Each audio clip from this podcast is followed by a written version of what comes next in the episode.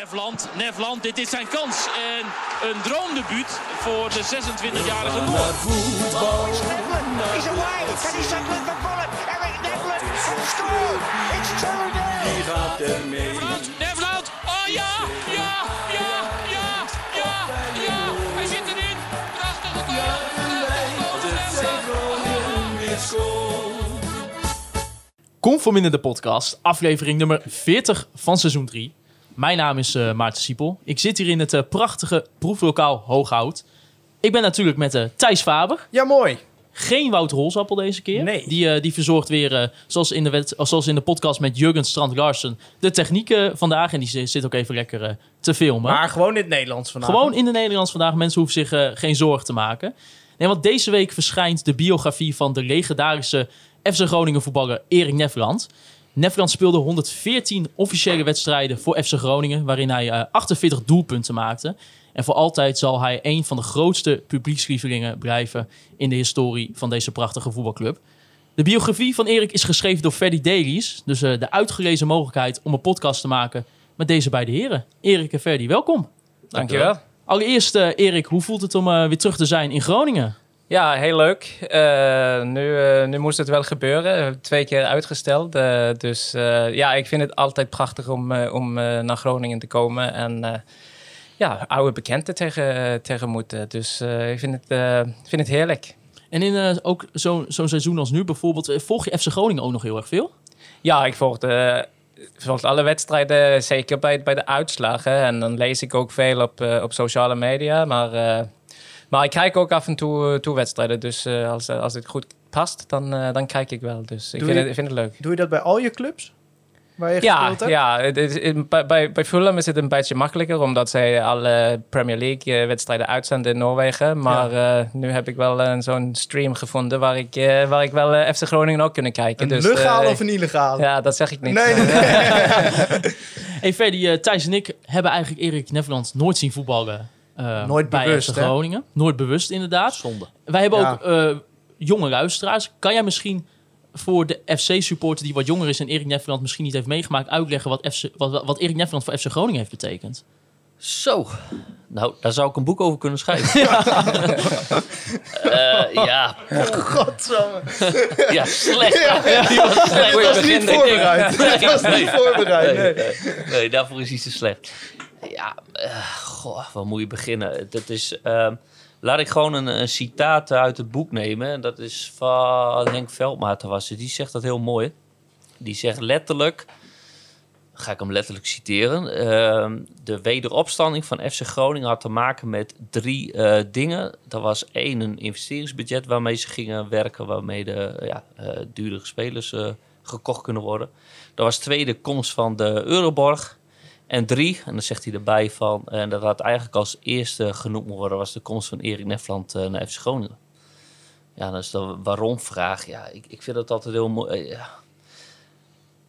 Voor een Gro als jij een gemiddelde Groninger, laat ik het dan zo zeggen, eh, pen en papier geeft en zegt van, ontwerp nou eens de perfecte FC Groningen speler, dan kom je volgens mij heel dicht bij eh, Erik Nefland uit.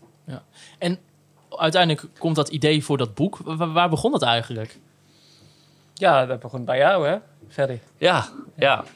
Ja, hij was mystery guest op de vorige boekpresentatie. Dus we hadden hem van Schiphol. Ja, dat idee, eh, dat, dat ik ergens al wel langer in de achterhoofd. Je, je weet gewoon als je een beetje schrijft van wat zou nou nog leuk zijn voor... zeker na een, boek over de geschiedenis van FC Groningen. Wat zou nog leuk zijn ja, om te doen? Ja, dat was dan gelijk de naam van Nefland kwam wel in mijn hoofd voor. En als hij dan toch tegenover je zit in de trein kan je dat balletje wel een keer eh, opgooien. Maar dat, eh, dat had wel even wat maandjes nodig om dat even te... Zijn eerste reactie, volgens mij zei hij echt letterlijk van... Nou, ja, dat zag jij gewoon echt niet zitten. Dat staat ook in het dankwoord of in, het, eh, in de proloog staat dat volgens mij dat je zelf dacht van nou is mijn verhaal nou een boek waard? Ja, dat, eh, dat zeker. En ik dacht dat hij heel gek aan het worden was. Eh, dat, eh, ja, ik, ik, ik, ja, ik was, als je, als je op de voetballerij kijkt, dan, dan was ik een gemiddelde voetballer.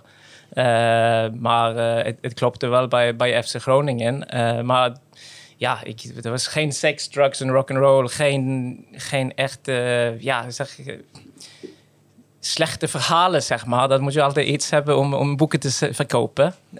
Dus, dus dan zeg ik dat ik, denk niet dat mensen dat willen lezen. Dus dat was wel mijn, mijn uitgangspunt. Hè?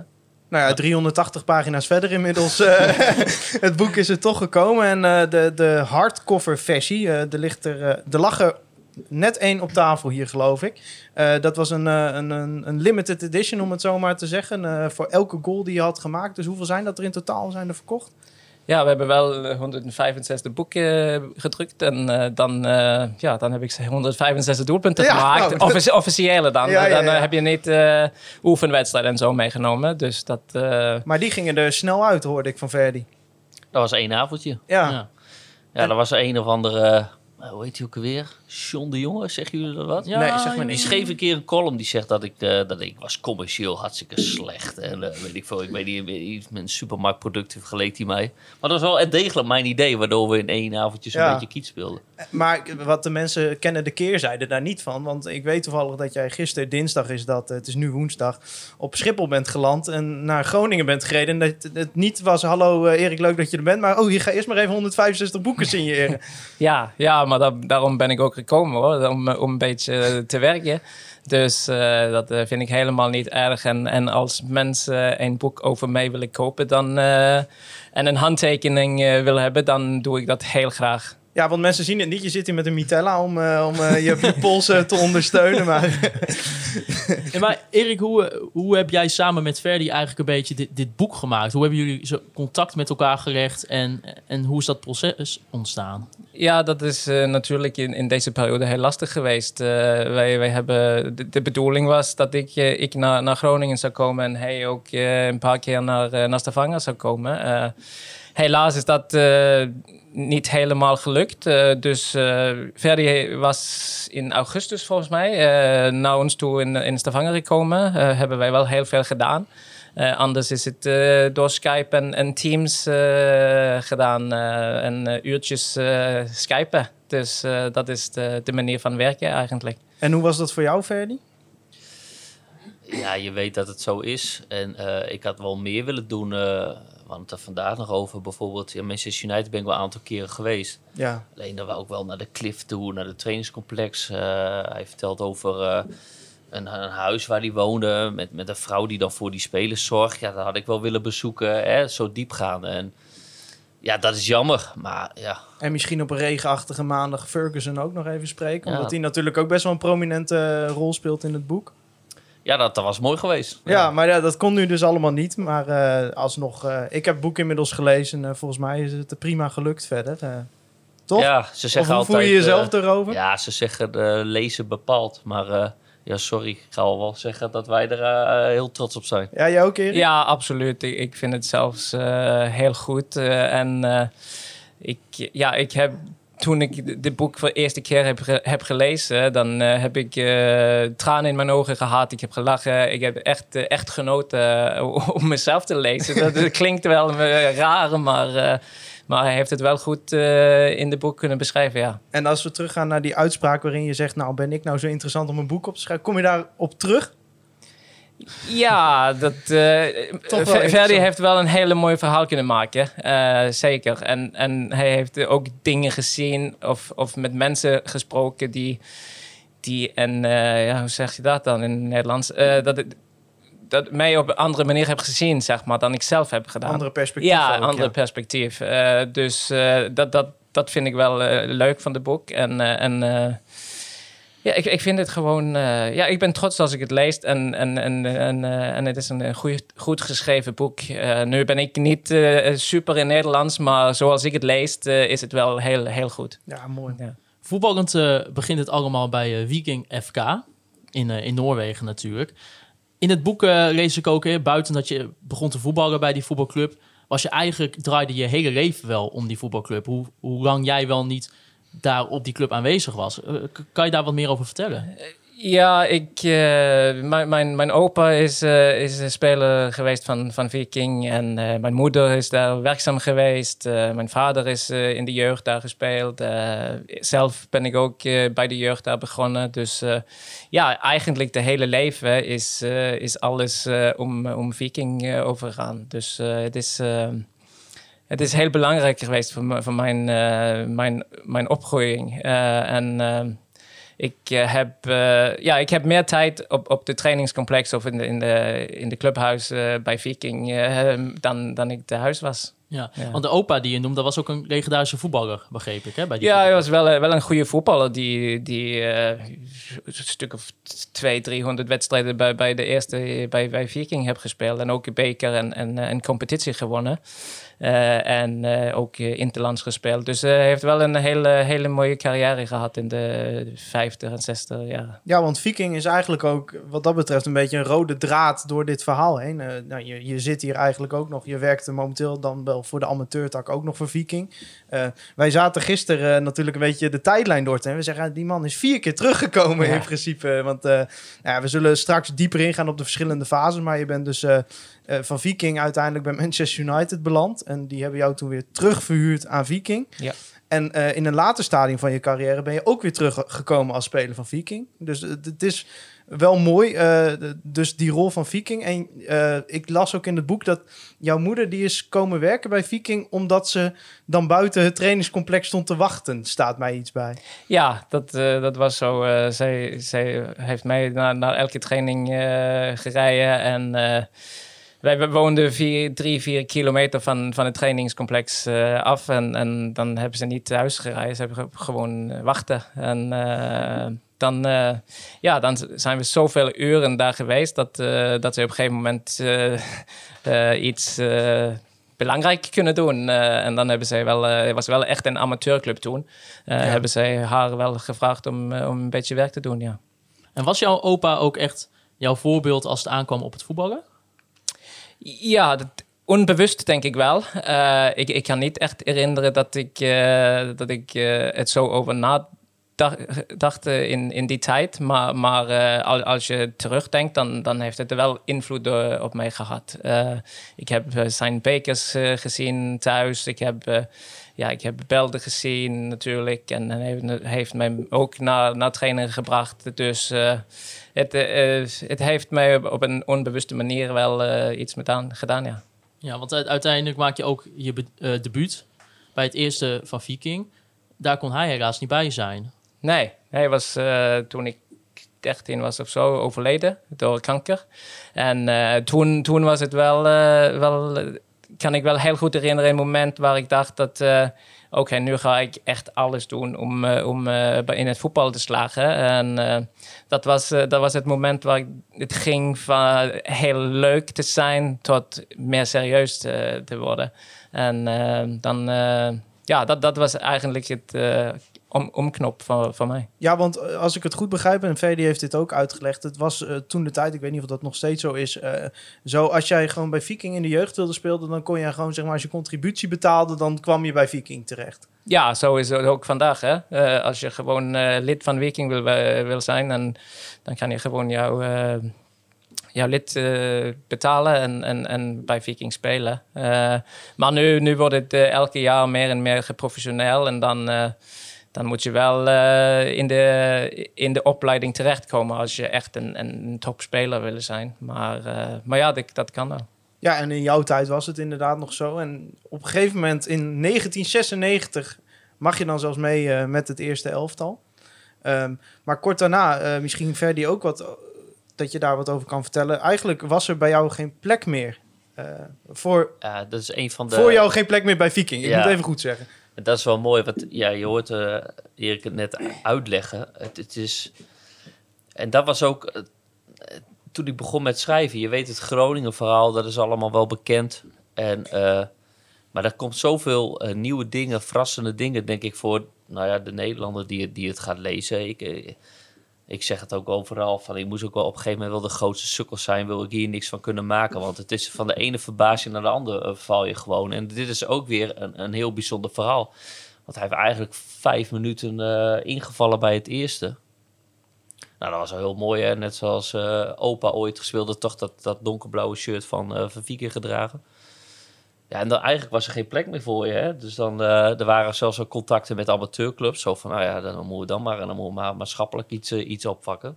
Ja, en het, het werd uiteindelijk geen amateurclub, heb ik geen genomen. amateurclub. Het was eerst Southampton. Dat wa- Nou, dat is mooi, hè? Hoe, Ja, want eh, vertel hoe dat tot stand ja, kwam. hoe want- zijn moeder al bij Viking Ja. terecht is gekomen, nou, dat is net verteld. Dat is ook heel mooi. En dan kwam er een, ja, wat ik eigenlijk zo geïnterpreteerd heb, een, een, een, een- de soort uh, Rune Hawk, ik weet niet of ik het goed uitspreek, ja. maar dat was een soort Raniola van, van, van Noorwegen, zeg maar.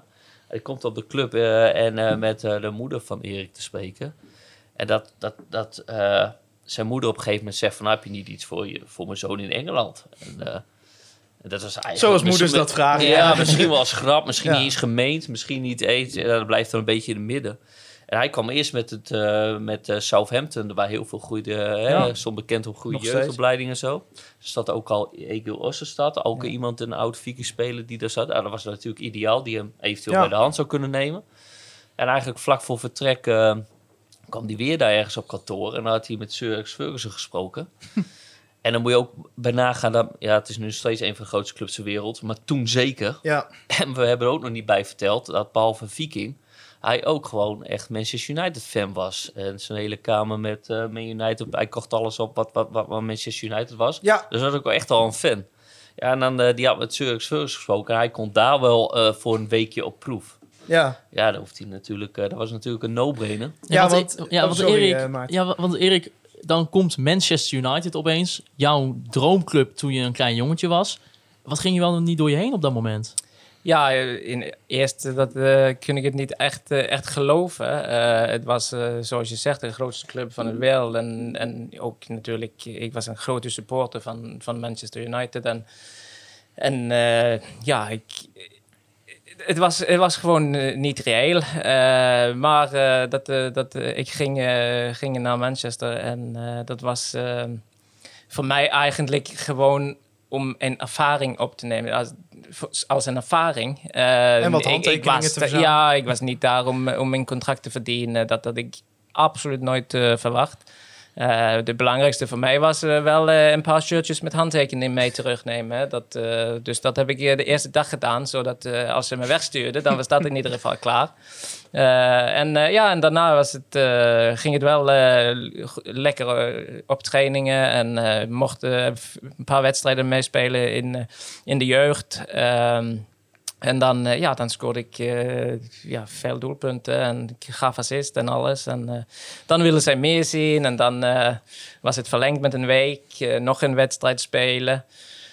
En eh, ja, dat, ging ook goed. Eh, dus eh, hebben zij nog met twee, nog twee weken verlengd. En, en was ik daar bijna vier weken in totaal. En, en hebben ja, zo'n twee hat-tricks gemaakt en, en alles. En net voordat ik terug zou gaan, heb ik, was ik een, een contract aangeboden. Dus ja, dan...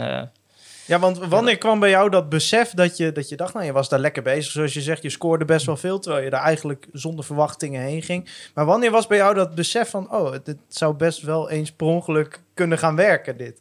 Eh, niet voordat ik de handtekening op het contract heb gezet. Nee, precies. dat was echt, eh, echt niet zo dat... eh, ja, ik, ik, ik dacht niet, niet dat het echt was. En, en ja, dat, op een gegeven moment heb je de handtekening eh, op, op de contract gezet. En dan, ja, dan ben je echt een, een, een speler van Manchester United. En eh, ja, in mijn hoofd was ik eh, bijna eh, al geslaagd. Hè? Dat, is, dat is vaak zo. En, maar als je dan ik moest natuurlijk een half jaar wachten, omdat ik in, in militaire dienst moest in Noorwegen. Voordat ik de overstap kunnen, kunnen doen.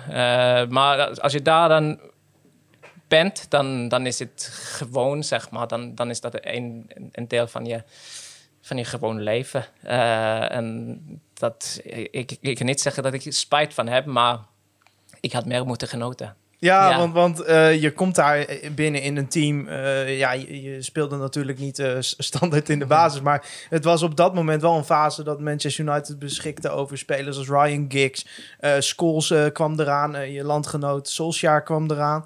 Eh, je grote held Cantona was daar op dat moment, Erik Cantona. Dat, die staat ook breed uitgemeten in het boek. Eh, is dat ook wat je van die eerste gesprekken, uh, Ver, die je oppakte? Dat je denkt van ja, Cantona, want dat is eigenlijk een beetje de rode draad. Je hebt, die, je hebt die uitspraak van hem natuurlijk. Dat is een beetje de rode draad door dat Manchester United Ja, maar je, je wordt gelijk mensen. Hij vertelt het nu. En dan denk ik bij elke zin die zegt... Ja, maar dat was ook nog. Dat was ook nog. Ja. Weet je wel? En daarvoor moeten Ja, maar goed, we moeten nu- lezen. Ja, we gaan niet de hele boek voor- Ja, ja, ja, hallo. Mensen, mensen moeten ook dat boek nog gaan kopen. Ja, precies. Dat En, is, eh, dat is, maar dat, ja, het is zo speciaal, hè? Van, van, van, dat je eigenlijk op het punt staat om terug te gaan naar de amateurs. Of in ieder geval met de amateurclub. En dat je dan maar ineens bij de grootste club ter wereld eh, terechtkomt. En dat heeft natuurlijk ook met, ja, dat het net allemaal goed valt. Net geluk in die wedstrijd dat Giggs hem meedeed. Die terugkwam van een blessure. Waar dus veel pers bij aanwezig Ja. was. Veel aandacht.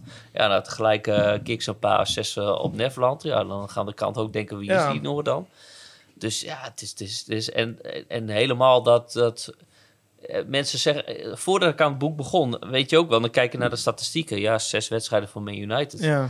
Maar zoveel anekdotes met al die, die grootheden erbij, waar, waar, gewoon, waar, gewoon, ja, waar je iets mee meemaakt. Ja, het is zo bijzonder. Het, dat houdt gewoon niet op. Ja, En want jij het- begint dat- erover dat- Cantona. Eh, Bijvoorbeeld, dat, Ja. daar begint het mee dat hij... Ik dacht van altijd... ehm, ja, maar ik, sowieso een Engels voetbalvolger. Die goal, hij heeft een goal tegen Sunderland gemaakt. En eh, ja, die is heel bekend. Dat hij echt met die kraag omhoog, waar hij onbekend stond. Ja. En dat hij dan heel arrogant naar die goal, eh wereldgoal trouwens, Ja. eh, ronddraait. En waar kom ik... Ik had dat stuk al geschreven. En waar kom ik achter? Dat hij op de tribune zat. Vlak Ja. voordat hij terug naar Engeland. Nou, dat soort dingen. Jemige, dat had ook weer niet zo kunnen zijn. Ja, weet het je? verhaal wordt je echt in het En schoot bedoel ik met... ja, ja, daarom, ja. daarom is het ook zo leuk voor mij om de boek te lezen. Omdat ik ben niet zo goed met woorden. Ik, ik kan me niet zo goed... eh, Het gaat vrij ja, goed tot nu toe. Ja, maar, maar als je dan Verdi eh, zijn verwoorden eh, leest, dan, dan beschrijft het zo goed. eh, dat, eh, dat het echt, echt leuk is. En ik kan me wel heel goed herinneren dat, Ja. dat het zo was. Maar hij kan het wel goed in woorden zetten. En het haalt voor jou ook die herinneringen weer naar Ja, boven uit die tijd. Ja. Ja. Ik, heb, ik heb nooit eh, mijn plakboek eh, doorgelezen, maar kwam Verdi naar huis, heeft hij drie, vier uur eh, mijn plakboeken Ah, dat doorgelezen. Dus, ja, ja, want er staan ook een aantal nooit- foto's in het Ja, boek. eh, ja. dat, dat is ook een mooie toevoeging natuurlijk. eh, dat elk hoofdstuk sluit af met een paar foto's uit die periode. En eh, ja, we gaan het straks over de FC Groningen periode. We hadden het net over, je was vanmiddag bij Roy Beukenkamp geweest. En daar is ook een legendarische foto genomen. Die staat er ook in. Nou, dat, dat geeft inderdaad dat verhaal ook kleur. Dus eh, wat dat betreft goed dat de plakboeken er wel waren, zeg Ja. maar. Ik denk wel als, als mensen Erik Nefland naast Erik Cantona zetten, dat ze wel denken, dat zijn echt twee compleet verschillende types. Eh jij bent de- veel rustiger dan, dan Erik Cantona Hij is. zit hier ook niet met een hoge kraag Nee. eh, voor, de, voor de mensen. Maar, maar wat, vond je, wat vond je zo bijzonder aan hem? Ja, ik vond zijn gedrag gewoon geweldig. Eh, eerst was hij ook een, een geweldige voetballer. Hij was echt, kon echt goed voetballen. En, maar zijn, zijn gedrag en, de uitspraken die hij deed... eh, alles, het was, was een soort mystiek om hem heen. Hè? Eh, en dat, dat, dat, ja, dat gaf me iets. En ik, heb, ik heb shirts met Cantona, ik heb foto's, ik heb alles. Ik heb filmpjes en een boek en alles over Cantona ge- gekocht eh, toen die tijd. En eh, ja, het, het was gewoon... Ik, ik, ik kan me nooit vergelijken met hem als mens of als speler. Of, dat, dat kan niet. En dat zei ik ook tegen hem toen hij met, met de hoofdstuk begon. Hè, dat, eh, ja, maar dat kan niet. Ik kan, ik kan niet eh vergelijken worden met Cantona. dat, dat, dat, I'm not worthy, you know. Nee. Eh, dus eh, dat... eh, En je hebt ook nog nooit een supporter geschopt, geloof ik, hè? Dus, eh, dat, nee, ook niet. Ook niet. Nee, en dan, eh, dan heb je dat contract bij Manchester United, maar je moet dus terug een, periode voor die militaire dienst. Natuurlijk wist je wel dat je terug ging komen in Manchester, maar ik kan me ook voorstellen dat je wel even dacht van, ja, shit, nu, nu, nu moet ik weer terug naar Noorwegen toe, terwijl ik hier lekker zit te trainen met, eh, met de grootste wereldsterren. Ja, ik, ik zou eh, natuurlijk heel graag meteen naar, naar Manchester willen gaan, maar dat, dat kon niet. Dus dat, als, als je niet mee om kan... Ja, dat, dat, dat kunnen eh, gewoon niet. En eh, to- toen was het gewoon belangrijk voor mij om, om het eerste bij, bij Viking te spelen, zo lang mogelijk. En oh, natuurlijk, als, als je voor, voor Manchester United tekent, dan ben je ook voor, eh, voor Viking juist goed genoeg. Hè? Dat, dat ging Ja. wel heel snel omkeren. En dan, ja, dan, dan na een twee, twee, drie wedstrijden was ik wel in de basis en, en scoorde ook vrij snel mijn eerste doelpunt. En vanaf daar eh, was, het wel, eh, ik wel op dreef. En eh, dan, dan voelde ik me echt als een, als een voetballer voor de eerste keer. En, dan, ja, en dan kom je wel na- naar Manchester toe. En, en dan denk je, ja, dit, gaat wel jaren duren voordat je, voordat je wel in de eerste speelt. Dat was ik wel van bewust. Maar, maar dat ging, ging ook vrij snel. Want had je in die periode bij Viking ook zoiets van... nou, zie je nou wel dat ik goed genoeg ben? Of had je dat eigenlijk totaal niet? Jawel, een beetje. Ja, dat, eh, ja is ook niet natuurlijk. gek, toch? Nee, Ja. ook niet gek. En, en, en ik vond ook dat, eh, dat ik goed genoeg was om, om niet in de basis te staan, maar in ieder geval in, in de selectie te zitten. En eh, het ging helemaal niet over geld. Het ging gewoon dat ik met de tweede moest trainen bij, bij Viking. En, en dat ik geen goede, dat ik geen contract aangeboden was. En eh, ja, en dan kwam eh, Manchester United eh, bij de deur. En dan, dan was het natuurlijk chaos bij, bij Viking. Dan, dan willen ze gelijk een contract tekenen. Dus dan willen ze de geld niet kwijt. Dus dan... Er is uiteindelijk wel een transfersom betaald, toch? Voor Ja. jou, door Manchester United. Ze hebben dat met goede wil wel betaald. Denk je drie ton of zo. Dat is wel netjes gewoon, wat dat betreft. Gewoon voor leuks eigenlijk Ja. betaald. Ja. En volgens mij wou Sir Alex Ferguson, die zei dat toch? Van ja, we, we willen gewoon wel ook eens geld betalen voor als we zulke jongens eh, eigenlijk vanuit heel Europa hierheen eh, trekken. Ja, en, en, eh, en eh, voetbal was ook heel anders dan het nu is. Er was, eh, er was geen zaakwaarnemers in, in beeld. Er was, er was niks. eh, eh, er was wel, eh, wel gewoon een zaakwaarnemer die mij, mij helpen. Maar, eh, maar het was niet zo dat, eh, dat je. Ja, als je jonge speler, dat, ik- nu kost het wel veel geld. Maar als je een wedstrijd in de eerste hebt gespeeld, dan, dan ben je 2 miljoen waard. Zo- Zo was het niet. Eh, dus eh, het was, eh, was wel. maar wel netjes van Manchester United om even iets naar, naar Viking terug te geven. Hoe was eigenlijk die, die periode in militaire dienst? Want ik vind dat eigenlijk niks voor jou. Nee, absoluut niet. Ja, je, je kan je voorstellen, ik zou liever in Manchester zijn dan bij, in de militaire dienst. Dus het was niet eh, vrolijk ingegaan. Eh, dus het was, eh, ja, het was echt kloten. Ja. het was niet leuk. Je moest, je moest in min drie graden in een zwembad. En dat was echt niet normaal. En ja, ik, ik vond het absoluut niet leuk.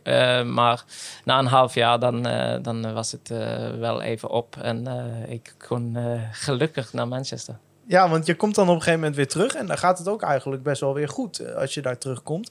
Eh, er is wel, kijk, weet je, als mensen dat allemaal gedetailleerd moeten weten, moeten ze vooral Ja, het boek ja, maar lezen. ja. Maar er is één moment, en dat hebben we er toch uitgepikt. We hebben ook met Verdi gesproken voor de podcast. Dat is een, eh, ja, ik denk als ik de wedstrijd noem, dat je wel weet waar ik het over heb. De wedstrijd uit bij Barnsley. Ja, staan momenteel ook op promotiekoers, zag ik, maar eh, dat eh, daar gelaten. Eh, daar mis je op een gegeven moment een kans. En eigenlijk is dat een beetje een omkeerpunt in jouw eh, carrière bij Manchester United. Als ik het uit het boek mag ja denk ik. interpreteren. Want wat Eh, gebeurde daar? Ja, nee, ik, ik, ik stond in de, in de basis eh, in de FA Cup. eh, stond ik tegen eh Barnsley in de basis in die eerste wedstrijd eh, op Old Trafford. We hebben wel eh, 1-1 gespeeld eh, na een grote fout van Peter Schmeichel. Dat heeft eh, een bal ingelaten. Eh, moesten wij uit eh, in, in de heenwedstrijd, zeg maar. En ehm, eh, stond ik ook in de basis. Eh, normaal gesproken speelde ik wel eh, het spits in een twee-spitsen systeem. Eh, en, maar net voor die wedstrijd heeft eh, Ferguson dat omgekeerd. En dan moesten we 4-5-1 spelen en ik op de rechterkant. Eh had ik wel een paar keer gedaan met de Noorwegen onder 21, maar niet, eh, niet, zo, niet op dat niveau. Hè. En eh, ja, dat, dat, ging heel lekker. Ik, ik speelde wel heel goed, vond ik zelf. Eh, was, eh, was op in diepte gegaan en, eh, was eh, doorgespeeld door een lange bas van, van David Beckham.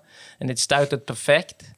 En eh, ik zou gewoon eh, over de keeper eh lobben. En dan, ehm, ja, dan eh, ging het naast de. Hè. Het eh, ging niet Ja, erin. die ging er net Ja, niet in. Eh, het ging net in het niet boek in. wordt er een Ja. pagina gewijd Ja. aan, die, aan, aan die kant. Dus ja, dat, en, en als je achteraf denkt, dan als je dat, die doelpunt had gemaakt, dan weet je niet wat er gaat gebeuren. Nee. Dus dat, is, dat is ook een beetje om, om dingen te beschrijven hoe, hoe klein, ja,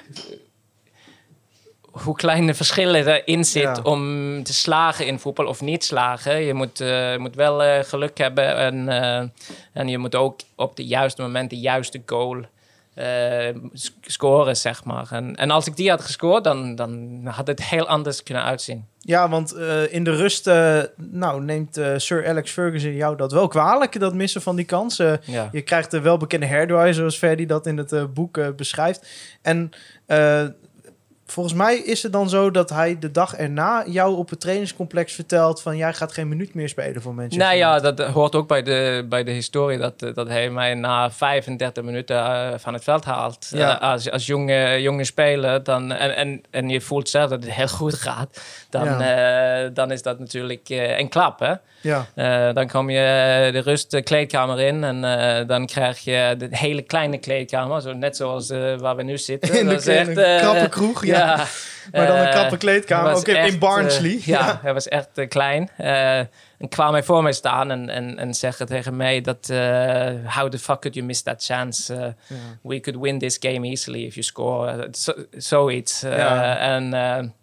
eh, ja, en ik was 19, 20. Ik was eh, bijna aan het huilen. Hè? Dus, eh, dat, eh, dat deed je wat. En ehm, ja, dan eh, op de, de dag daarna in, eh, op het trainingscomplex heeft hij gezegd dat... eh, ja, ik denk niet dat je dit niveau hebt. Dat je wel... eh, ik denk niet dat je veel meer voor de eerste gaat spelen. En eh, ja, lekker met de tweede trainen. Dus eh, dan, eh, ja... Dat eh, was wel een... eh, ja, op een parkeerplaats ook. Niet op een kantoor of Nee. zo. Maar gewoon eh, Ja. als je voorbij, lo- voorbij loopt op de parkeerplaats. Dat is... eh, ja, dan, eh, dat, is, dat is niet makkelijk voor een, eh, voor een 20-jarige jongen. Dus eh, ja, dat, viel, viel je jongensdroom een beetje in duigen op dat moment? Nee, dat, eh, zo zit ik niet in elkaar. Eh, ik, ik, eh, ja, ik, ik wist dat ik nog eh, drie jaar contract had. Dus ik, ik eh, had wel tijd om, om dit om te keren, zeg maar. Maar, eh, maar ik ging met de tweede trainer. Ik deed, deed altijd als de trainer zegt. Dus eh, dat was, dat was eh, geen probleem. Maar, maar ja, dat, als je achteraf denkt, dan, eh, dan is het wel eh sneu geweest. Dan is het wel... eh, ja, ik, ik vind het niet oneerlijk zeggen, maar, maar het is wel, eh, wel hard voor een jonge, jonge speler. Eh, had je dat, kan dat, eh, vandaag kan ik dat niet doen. Nee. Ferdy, eh, als jij zo'n... Sorry Maarten. Als je zo'n verhaal... Hij heeft jou dit waarschijnlijk ook op een gegeven moment voor de eerste keer verteld. Ik smulde ervan. Ja, En hij was helemaal in zakkenas. wat dacht jij toen eh, als, als schrijver? Dacht je toen echt van, oké, dit... eh, ja, dit is... Dit is jij zult eh, altijd wel het idee gehad hebben van... dit boek, eh, dit, wordt, eh, dit wordt een goed boek, maar dat, dit soort dingen... Ja, ik viel van de ene verbazing in de andere. Hè? Je, dit, dit, dit is gewoon hartstikke leuk. En ja, het gaat ja, nogmaals, net als net, er valt me nu gelijk weer meer anekdotes naar binnen van, van die periode. Maar nogmaals, dan maar het boek. ja, Hier gaan mensen op reageren. ja, hartstikke leuk. En, ja, het, echt, het hield niet op. En dat is eigenlijk door het hele, hele boek zo. Was het voor jou dan ook nog extra mooi als Engels voetballiefhebber? Ja, dat, Dat je zo'n periode Dat kon vooral. Want Je weet ook al een beetje hoe Ferguson is, hoe die, eh, hoe, hè, zijn geschiedenis. En eh, ja, dat vind ik het mooiste om over te schrijven. Ja, want jij, eh, jij gooit natuurlijk eh, dan op dat moment ook jouw eigen ervaring met dat stadion van Barnsley. Want dan ben je zelf met jouw andere club Aston Villa ook wel geweest. Dan gooi je dat er ook meteen in, eh, zeg maar. Dat, ja, dat, wa- dat was het handige. We hebben het net over dat ik... Ik kon niet naar Engeland. Ik zou graag even naar de Cliff Ja. gaan, maar daar ben ik nog nooit geweest. En, eh, is ja, het wel die, die stadions Manchester eh, United, ben ik allemaal ja. wel geweest. Dus ik weet hoe Ockwell eh eruit ziet. het En, stadion van Barnsley, ja. Ja, dus, dus dat, dat hielp in sommige dingen zeker mee. Ja. Uiteindelijk gaat dus de carrière bij Manchester United een beetje als een nachtkaars uit. Zit Ook nog wel een verhuren. er zit nog een verhuur bij Ja. Göteborg. Ja. Spreek Ja, ik het de- goed de- uit? Göteborg. Göteborg, Ja. Göteborg. Göteborg voor eh, de Nederlanders Ja. die luisteren. Maar- Yves Groteborg. Nee, en, en uiteindelijk, die, die verhuurperiode bevalt eigenlijk ook niet. En je besluit om, Nee. dan- om, om terug te keren bij Viking. En eigenlijk gaat het vanaf dan, gaat het echt als een stijgende lijn omhoog. Ja, dan was ik weer eh, even terug bij, bij Viking natuurlijk, maar bij mijn familie en eh, bij, bij, bij oude bekenden. En eh, dat voelde me veilig. Dan, dan kon ik lekker weer, weer voetballen. Maar dat, dat begon ook in, in het begin wel even zo dat ja, je kan niet hier zomaar komen om. Eh, bij Viking te spelen, omdat je bij Manchester United heeft gezeten, zeg maar. Hij had een beetje die, die verhouding eh, van, van mensen.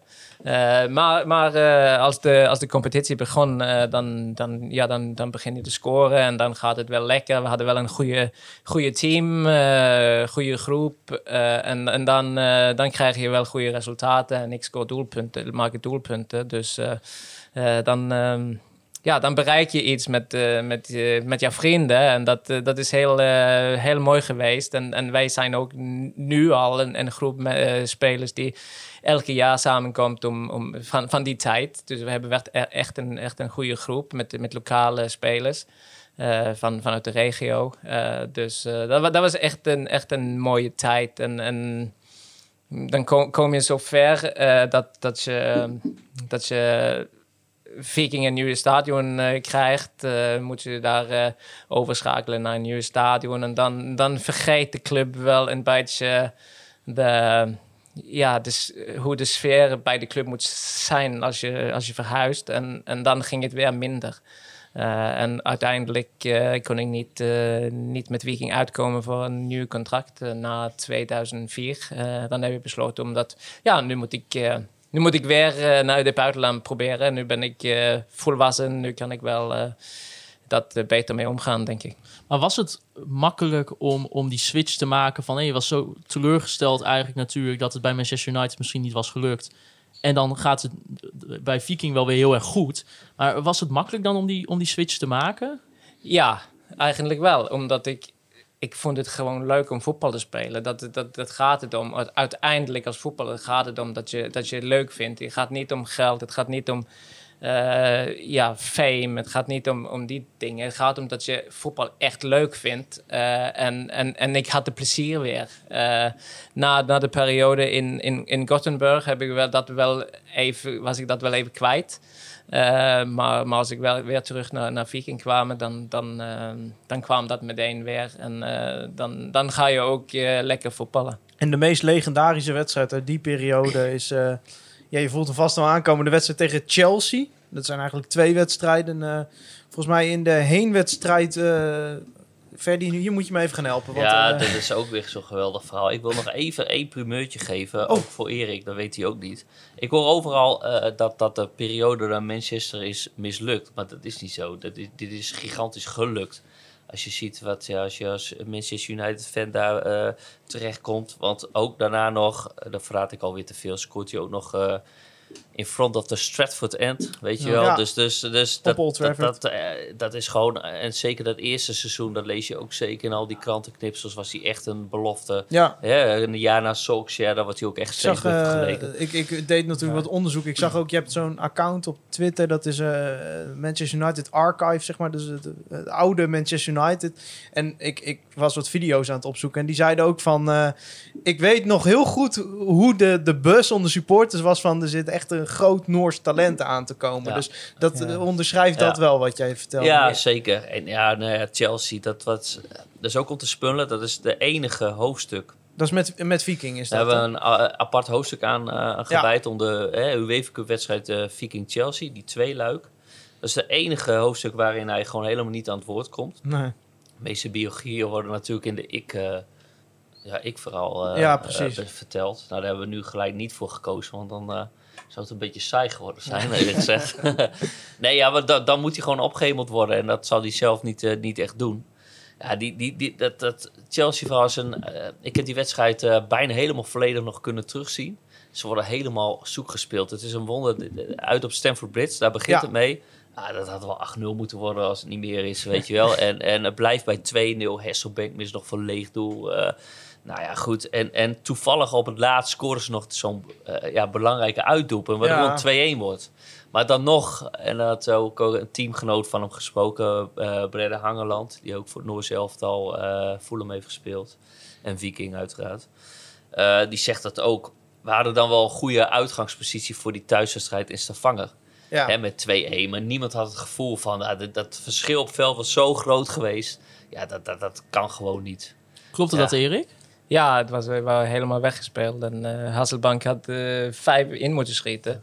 Eh, maar ja, dat, dat, dat was voor ons gewoon een, een, een happening. En, en het was gewoon een, een mooie ervaring om, om op Stamford Bridge te spelen. En zo dachten wij ook dat ja, wij gaan nooit de, deze tie winnen, zeg maar. Dat, dat gaat nooit gebeuren. Maar als je dan vanuit Stamford Bridge met 2-1 eh, reist, dan, eh, dan begint het wel iets te groeien. Dat je, een klein kansje misschien, weet je. Als het wel heel slecht weer is, het veld slecht is, dan kan je misschien 1-0 winnen, weet je. Ja. Eh, En maar, het was slecht weer. ja, ja, ja, alles klopte natuurlijk. Eh, maar het was geen 1-0. 4-2. Nee, het was 3-0. 4-2, sorry. Ja, sorry. Ik, zie- ja, ik zie hier 4-2 staan, maar dat is in en- totaal. En die ik. wedstrijdverloop gaat ook 4-2. precies mee. Op dat moment weer scoorde hun weer gelijk tegen. Het wordt 1-0, 2-0. Trouwens een assist van hem. Eh, met, met een hakbal. Ook, eh, je moet eigenlijk op YouTube staat het wel. Je moet het echt even, als je dat eh, voor de lezer, als je Ja. het boek leest, pak die YouTube beelden erbij. Het is echt geweldig. En 1-0, 2-0, dan denk je van nou, eh, zal het niet. Nou, dan scoren zij toch weer die 2-1, waardoor het dus nee, gelijk ach, staat. Ja, het En na rust denk ik van, nou, Chelsea stelt er orde op zaken. En dat, dat ja, gebeurt op een gegeven moment ook. Maar ja, dan toch, ja, deze, deze man naast mij toch verantwoordelijk voor de 3 en de 4-2.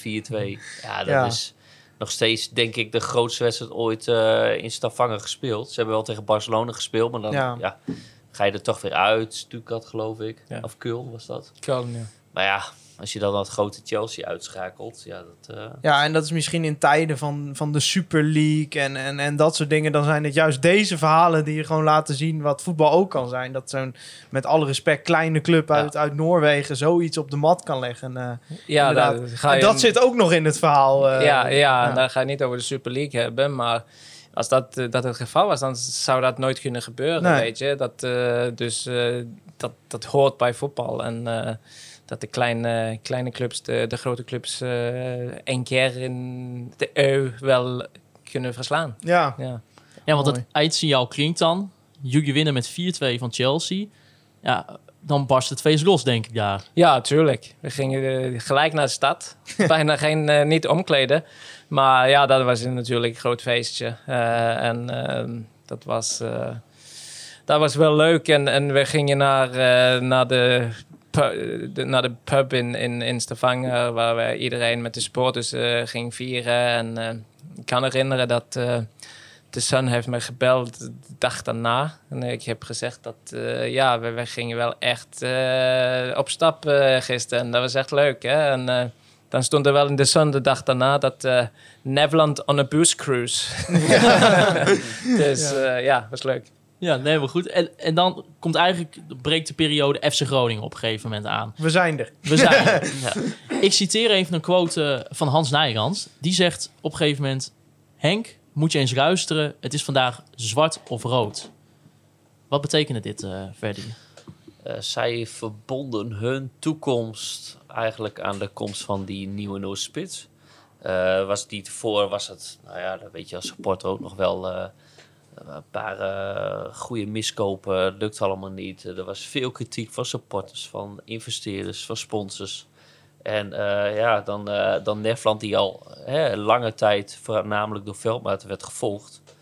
Dus zij zeiden echt van, nou ja, als dit niks wordt, dan zijn we gewoon niet meer geloofwaardig. Nee. En dan, eh, en dan zegt Hans letterlijk tegen Henk Veldmaten van, eh, als dit niks wordt, dan ga jij eruit, maar dan ga ik er ook uit. Want dan eh, is onze geloofwaardigheid naar de Filistijnen. Nou, en eigenlijk eh, gebeurt het, eh, het omgekeerde. We hoorden het al even in de intro muziek. Eh, uit bij FC Twente. eh, scoor je meteen. Ik denk dat eh, iedereen die dit luistert, die die tijd heeft meegemaakt, die goal nog wel voor zich ziet. eh, met dat, eh, wat, dat was het Diekmanstadion toen nog. hè? Nee, nee, het was al wel was al volgens- toen Arkenstadion, denk ik. Arks, stadion, ja, toen ja. zat het eh, uitvak nog aan het veld daar. Ja, dat was klopt. voor de verbouwing daar. En eh, dat, eh, dat ontploffende uitvak daarachter, dat zijn nog... Ja, mensen zien dat nog helemaal voor zich. In het boek eh, wordt ook beschreven, dat is ook wel een grappige anekdote, ook omdat er wat mensen die nu bij de club rondlopen daar ook in die periode liepen, dat jij eigenlijk op de eerste training eh, werd je even getest, hè? Jawel, eh hebben we ook vandaag over gehad eh, toen wij bij, bij Roy op bezoek was. Bij Roy Beuk. Ja, Roy Beukenkamp. Ja, dat, eh, dat was eh, wel even schrikken eh, voor mij. Ik, ik kwam, kwam binnen. De bedoeling was niet dat ik zou tegen Twente zou spelen. Dus, en, en elke dag voor de wedstrijd hadden wij iets uh, partijtje scherp, noemden ze dat. Dan gingen de elf die, die gingen spelen, die speelden tegen de andere elf. elf. En eh, ik was eh, spits op die andere elf. Die, ik ging niet spelen. En eh, ja, en dan dacht ik, ja, lekker. En, en hoe zeg je dat nou? Organisatie neerzetten, lekker Oh, ja, trainen, precies. weet je. Ja, Dat, ja, eh, even rustig erin ja, komen, ja, nieuwe club, transfervrij dan gekomen. Gewoon lekker. Ja, ze speelden 11 tegen 11, partijtje scherp noemde Jans Ja. het Ja. altijd. En daar kon je echt je basisplek verdienen. En dat was altijd de basis tegen de, Ja, precies. tegen Ja, de wisselspelers. ja, want, dat, dat eh, was wat ik probeerde Want, uit te je, leggen. want, want maar, context, je viel op- echt op 1 november, omdat je transfervrij was, viel je eigenlijk midden in die eerste seizoen zelf viel je erin, hè, Ja. in, in die organisatie. Ja, en dan, eh, ja, dan, dan begon, begonnen we met, met te spelen en, eh, en trainen. En dan ja, was ik door de midden geschopt door Antoine van der Linden en Paul Matthijs. En ik dacht, wat is dit nu? En eh, ja, dan, eh, dan, dan schrok ik een beetje. Ja. Ja, willen ze me hier niet hebben? Of wat, wat, is, wat is er aan de hand? Eh, dus ik heb eh, natuurlijk eh, naar Roy gezegd, wat, wat gebeurde hier? Ik ben op Noors ging schelden en... en ja, toen dacht ik, ja, ik moet gewoon terug doen. Hè? Dat kan, kan ik niet accepteren. Dus dan heb ik echt een sliding op Antoine van der Linden gedaan. Zodat hij ook een beetje kunnen voelen. en eh, ja, daarna was het goed. Daarna was Ja. je geaccepteerd. En, en dan voelde je wel dat, eh, dat ja, nu, nu gaat het lekker. En eh, ja, dan gebeurde er iets. Dat, eh, dan moest ik ook in de basis staan. Dus... eh, En toen scoorde je meteen tegen Twente. Ja, Ja. En, en- en kon je je ook buiten het voetbalveld een beetje makkelijk vestigen in deze stad? Ja, absoluut. Eh, en, en ja, wij waren eh, wel met iedereen, also met het hele gezin, eh, meteen eh, naar, naar Groningen verhuisd. En, eh, en in een hotel terechtgekomen van de Valk hebben we het over gehad vandaag. In Zuidbroek? Eh, ja, in ja, Zuidbroek. ja. eh, Een paar dagen geweest. En dan eh, zijn we verhuisd naar de Smurfendorp. Eh, dus eh, woonden wij daar voor een maand. En, en, en daarna woonden we, gingen wij naar, eh, naar Zuid-Laren verhuizen. Naar, ja, wa- was puur eh, naast Roy Beukenkamp. En, ja, ze, ze, Roy en, en Jasmin, zijn vrouw, heeft ons heel veel geholpen in het begin met, met alles. En, en we voelden ons lekker thuis meteen. En dat was... ja, ik heb de beslissing om naar Groningen te komen op, op gevoel genomen, zeg maar. Dat, eh, ik, wist helemaal niks van, van Groningen. Ik, ik, ik ken de stad niet, ik ken de club niet, helemaal niks. Eh, dus ik heb het gewoon op gevoel eh, genomen. En ja, het was, was Heeft wel echt de juiste gevoel, ja. Ja, want je scoort in dat eerste seizoen 16 goals in 20 wedstrijden. Dat is meteen een explosief begin. Voelde je al meteen die status die je nu geniet, voelde je dat toen ook al ontstaan? Nee, het was natuurlijk als je, als je doelpunten maakt, dan, dan, dan maakt het alles makkelijker. En, en als, je de eerste, als je de eerste doelpunt uit de weg gewoon krijgt, dan, ja, meteen dan, bij Twente ook dan- natuurlijk, dan- grote rivaal. veel, dan heb je veel, eh, veel eh, uit de weg al. Eh, dus eh, nee, nee, het was gewoon in, in, in, in een carrière van eh 15, 16 jaar, zeg maar. Dan krijg je misschien 1, 2 of als spits 1, 2 of 3 periodes waar je, ah, als je schiet, dan scoor je. Hè? Je- Ja. Echt de, de gevoel, je denkt niet, je gaat gewoon de wedstrijd spelen en dan schiet je en dan gaat hij erin. En die had ik meteen bij Groningen, dus eh, dat, eh, dat heeft me natuurlijk heel veel Ja. geholpen. Eh, op een gegeven moment eh, was het wel eh, even, eventjes te veel, omdat ik eh, gelijk uit, uit de, de Noorse competitie kwam en, en zat de andere half jaar wel sa- sa- gespeeld. Eh, een beetje zoals eh Strand nu eh, Ja. eh, even zit. Ehm, maar ik raakte geblesseerd. hè. Eh, en, en heeft ook heel veel wedstrijden eh, misgelopen door, eh, door blessures, omdat ik vermoeid was eigenlijk. Eh, en, eh, ja, maar dat was, eh, was wel eh, nadat ik eh, genoeg doelpunten Ja, had gemaakt. precies. Je, had, je had je status inmiddels al Ja. verdiend. En dan, dat gaat een beetje over dat eerste half jaar van dat seizoen 2005-2006. En dat is ook het seizoen waarop de helft van het seizoen... ja, de verhuizing naar het nieuwe stadion eh, zou gaan gebeuren. En dan is er op een gegeven moment is er een wedstrijd. En ik kijk onze technische man even aan, want er moet nu even wat gebeuren.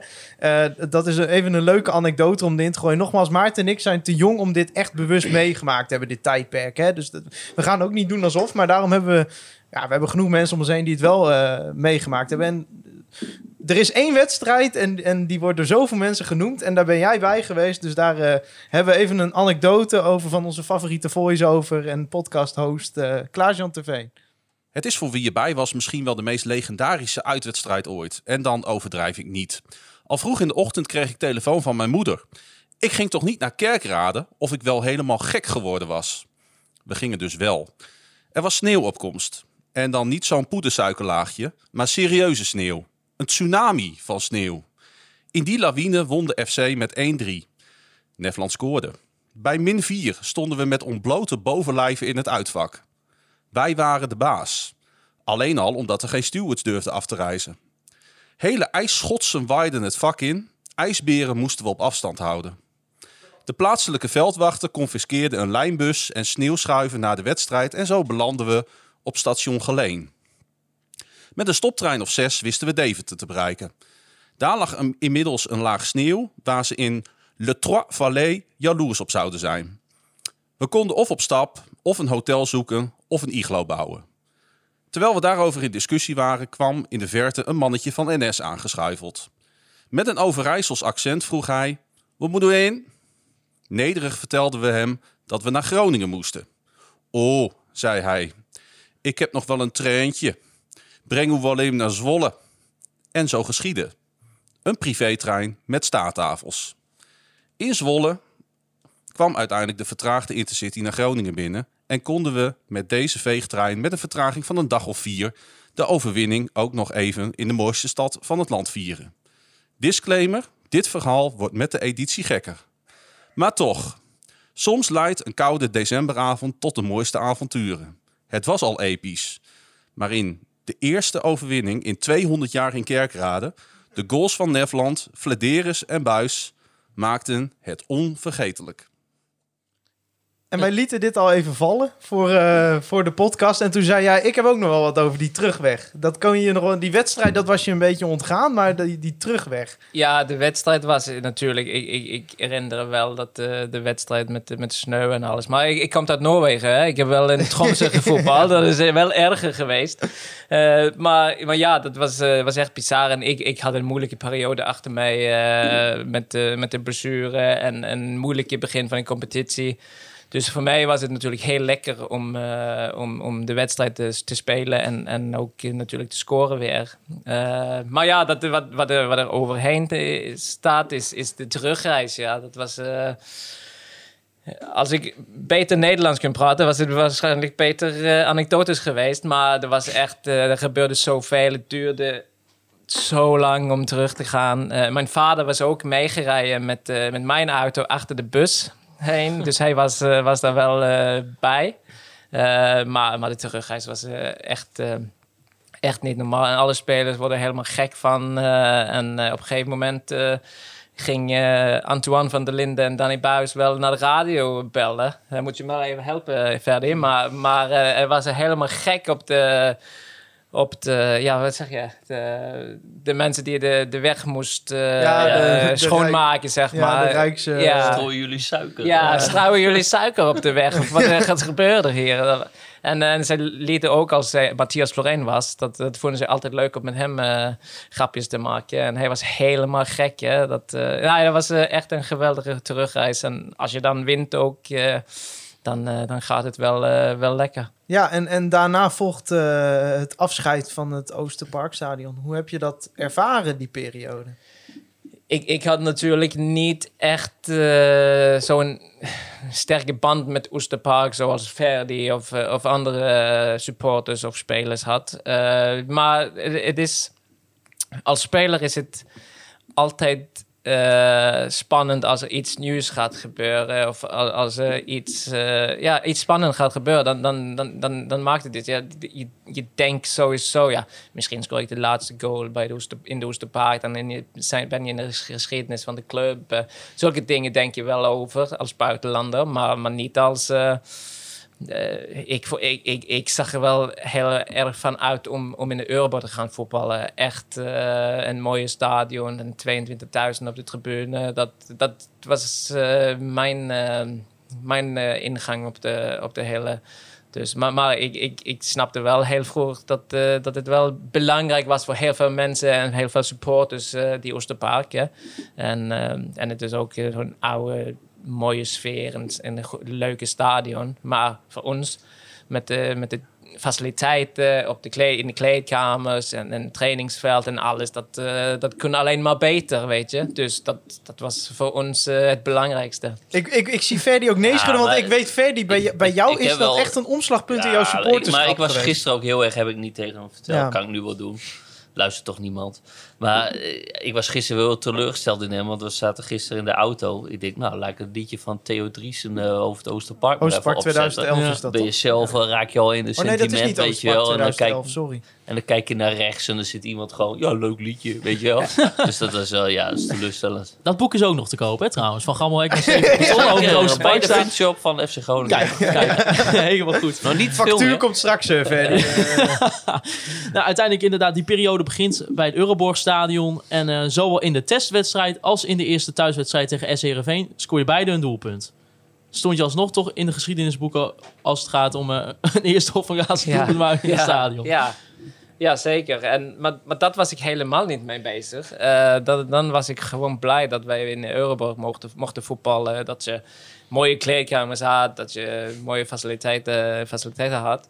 Eh, dus dat was ik helemaal niet mee bezig. En misschien daarom heb ik, heeft ik ook de eerste doelpunt gemaakt. Eh, bij, bij Viking gebeurde hetzelfde. Hè, dat wij eh, een nieuw stadion krijgen. En daar was ik wel heel erg mee bezig. Om, om, daar wil ik graag de eerste doelpunt maken.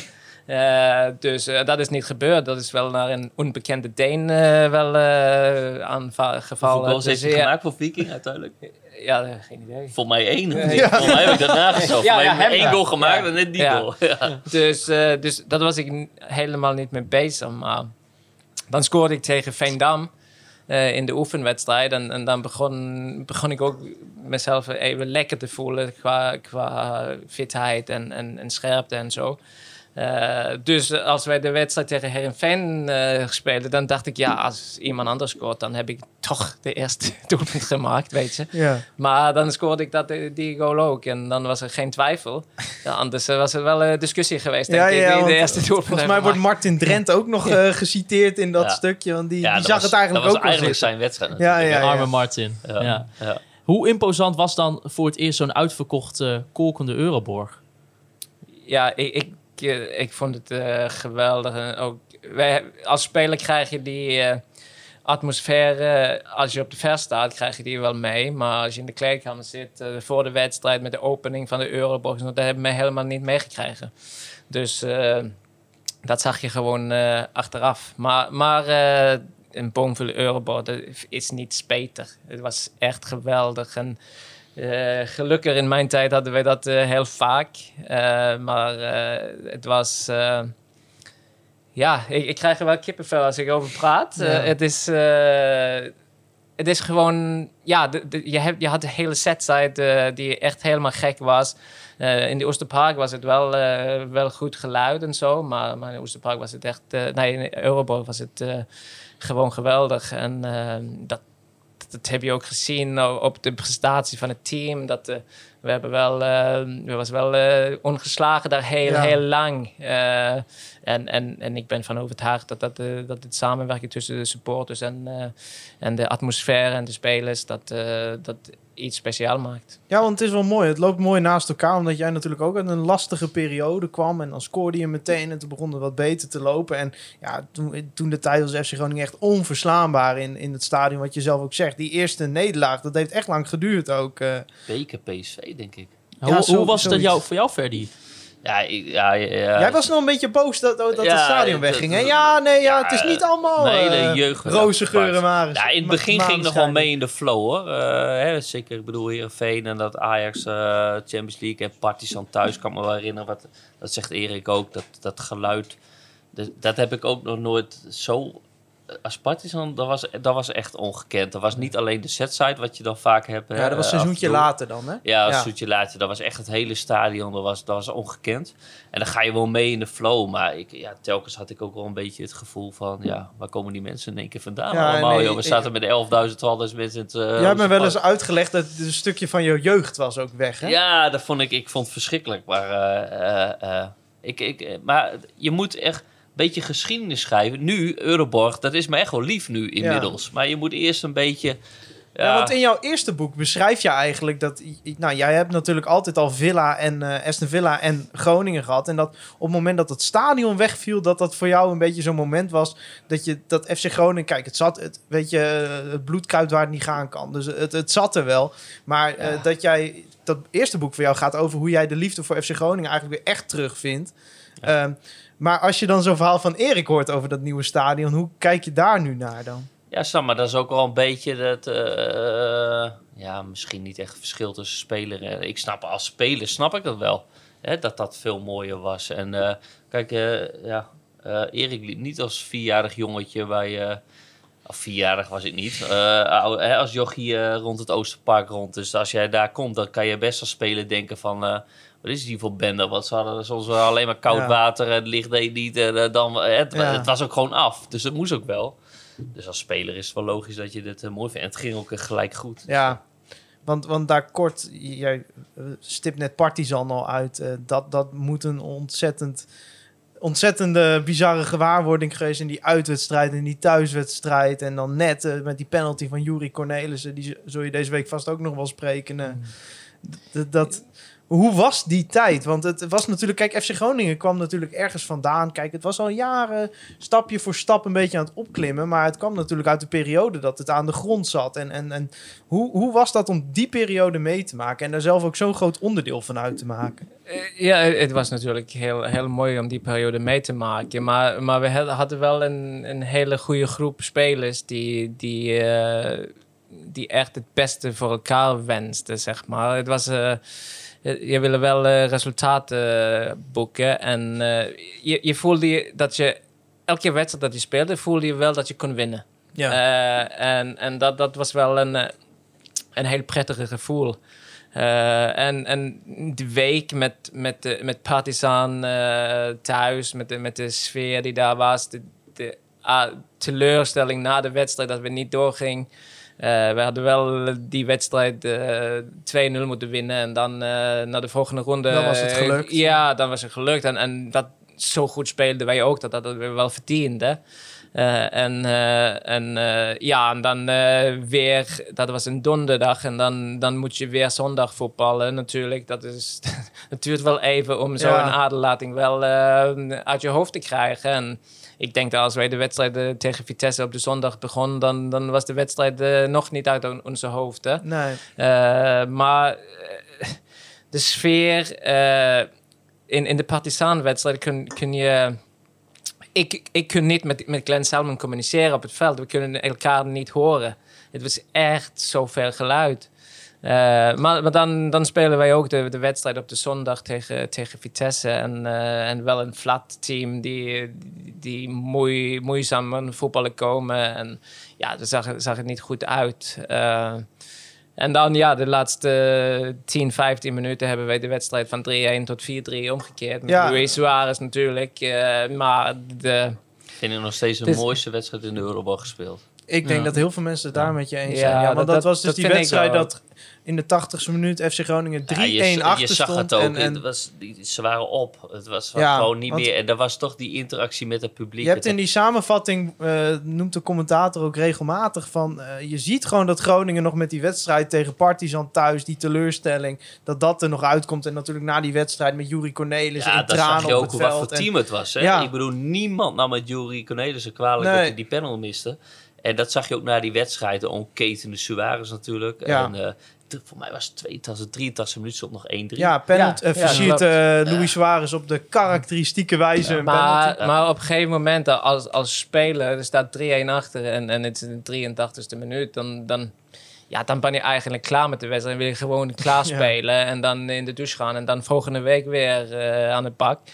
Maar dan, dan begon het pu- publiek begon gewoon eh, niet te fluiten of zo, maar gewoon te klappen en geluid maken en zo. En dan, dan krijg je wel, dat slaat wel iets in bij je. Dat, dat ja, we, we kunnen gewoon niet, eh, niet stoppen. Je moet gewoon doorgaan. En voor het publiek. En, en je, ik, ik krijg wel een 5, 10 procent meer kracht in jouw lichaam met, eh met Ja. het geluid. Dus je wordt er wel even geholpen, zeg maar. En ik ben van overtuigd als, als de, de publiek van FC Groningen op dat moment eh, had begon te fluiten, dan hadden wij die wedstrijd verloren. Maar Ja. ja, ja daar ben ik van overtuigd. Want de, de, De- commentator de- noemt het een ongekende krachtsinspanning op een Ja. gegeven moment. Die vierde. Ja, maar dat komt door het publiek. Ander- Anders, als, als je dan gefluit, uitgefluit wordt, dan, ja, dan, dan, dan wil je dat niet, eh, dan, kan, dan kan je dat niet eh, doorbrengen, zeg maar. Nee, en- Dus eh, dat, dat, dat, ja, dat, dat, dat, is, eh, dat maakt die periode die ik bij, bij Groningen wel heel erg speciaal. Dat, dat die samen, eh, samenwerking tussen supporters en, en spelers en eh, ja, iedereen, iedereen gunde elkaar wel echt successen. ja. Eh, en dat, eh, dat is wel heel, een hele onderschatte kracht eh, in het voetbal. Ja, via de play-offs eh, in dat seizoen tegen FC Utrecht plaatsen jullie ook weer voor de, voor de Europees voetbal voor het jaar daarna. Ja, en dan komt natuurlijk de tweeluik tegen Fiorentina. Met natuurlijk als hoogtepunt eh, de goal. Eh, we kregen daar ook een luisteraarsvraag binnen, onder andere van Jaap. Die zegt, zou Erik in zijn eigen woorden de goal tegen Fiorentina uit willen omschrijven? Ja, ik heb het natuurlijk heel eh, vaak teruggezien. Maar dat is zo een moment dat... Ja, de, wedstrijd liep niet echt lekker. Het, was, ik, ik zat het niet echt goed in de wedstrijd. Het was gewoon... eh, ja, het was gewoon een moeizame wedstrijd voor ons. Eh, maar eh, op een gegeven moment krijg ik die hakballetjes van, hakbal van, van Koen van der Laak. En ja, ik heb hem gewoon één keer geraakt en, en meteen op doel geschoten. En dat, dat is een van die momenten daar, ja, dat dan klopt alles. En, en dan ging je daarin. Ehm, dus dat was natuurlijk heel, voor mij heel, heel leuk. En, en, en eh, zo- zoals alle andere doelpunten, zeg maar. Maar eh, dan dacht ik, ja, misschien hebben wij wel een kansje tegen, kans om, om, om Fiorentina uit te schakelen hier. En dan gaat het wel eh, twee, drie minuten en dan is het wel... eh, Ja, er was eh, Ad- 1-1. Adrian was er snel bij om de 1-1 van te maken. Maar hoe heb jij die avond daar beleefd? Natuurlijk, heel veel FC Groningen supporters staat het ook nog wel op het netvlies die avond. En alles wat er in Florence is gebeurd. En dat- dat uitvak, dat is voor zoveel mensen zo'n legendarische avond. Je hebt mensen die erover vertellen, die er nog steeds kippenvel Ja. van hebben. Hoe was dat voor jullie als Ja, spelers? ja, ja, het was wel een, een, een grote belevenis voor ons ook natuurlijk. Maar, maar als speler, dan zijn wel zo, zo in de wedstrijd. Je bent zo gefocust op de wedstrijd dat je eh, alles wat er omheen gebeurde, dat, dat krijg je niet echt mee, zeg maar. Eh, dus eh, er waren wel. Ik, ik hoor ook iedereen praten dat de legendarische Fiorentina-wedstrijd. Daar hebben ze ook helemaal gelijk in. Maar, maar als speler was wat, wat mij het eerste wat ik het eerste denk is dat echt irritant dat we de wedstrijd niet wonnen. Dat Nee. we niet doorgingen. Dat we in, eh, de, de penalties uitgeschakeld wordt. Eh, dus de doelpunt heeft eigenlijk niks eh, betekend in die eind, weet je. Ja, voor het resultaat ja, misschien niet, Nee, maar- maar, staat hij de plank mis, hè? Ja. ja.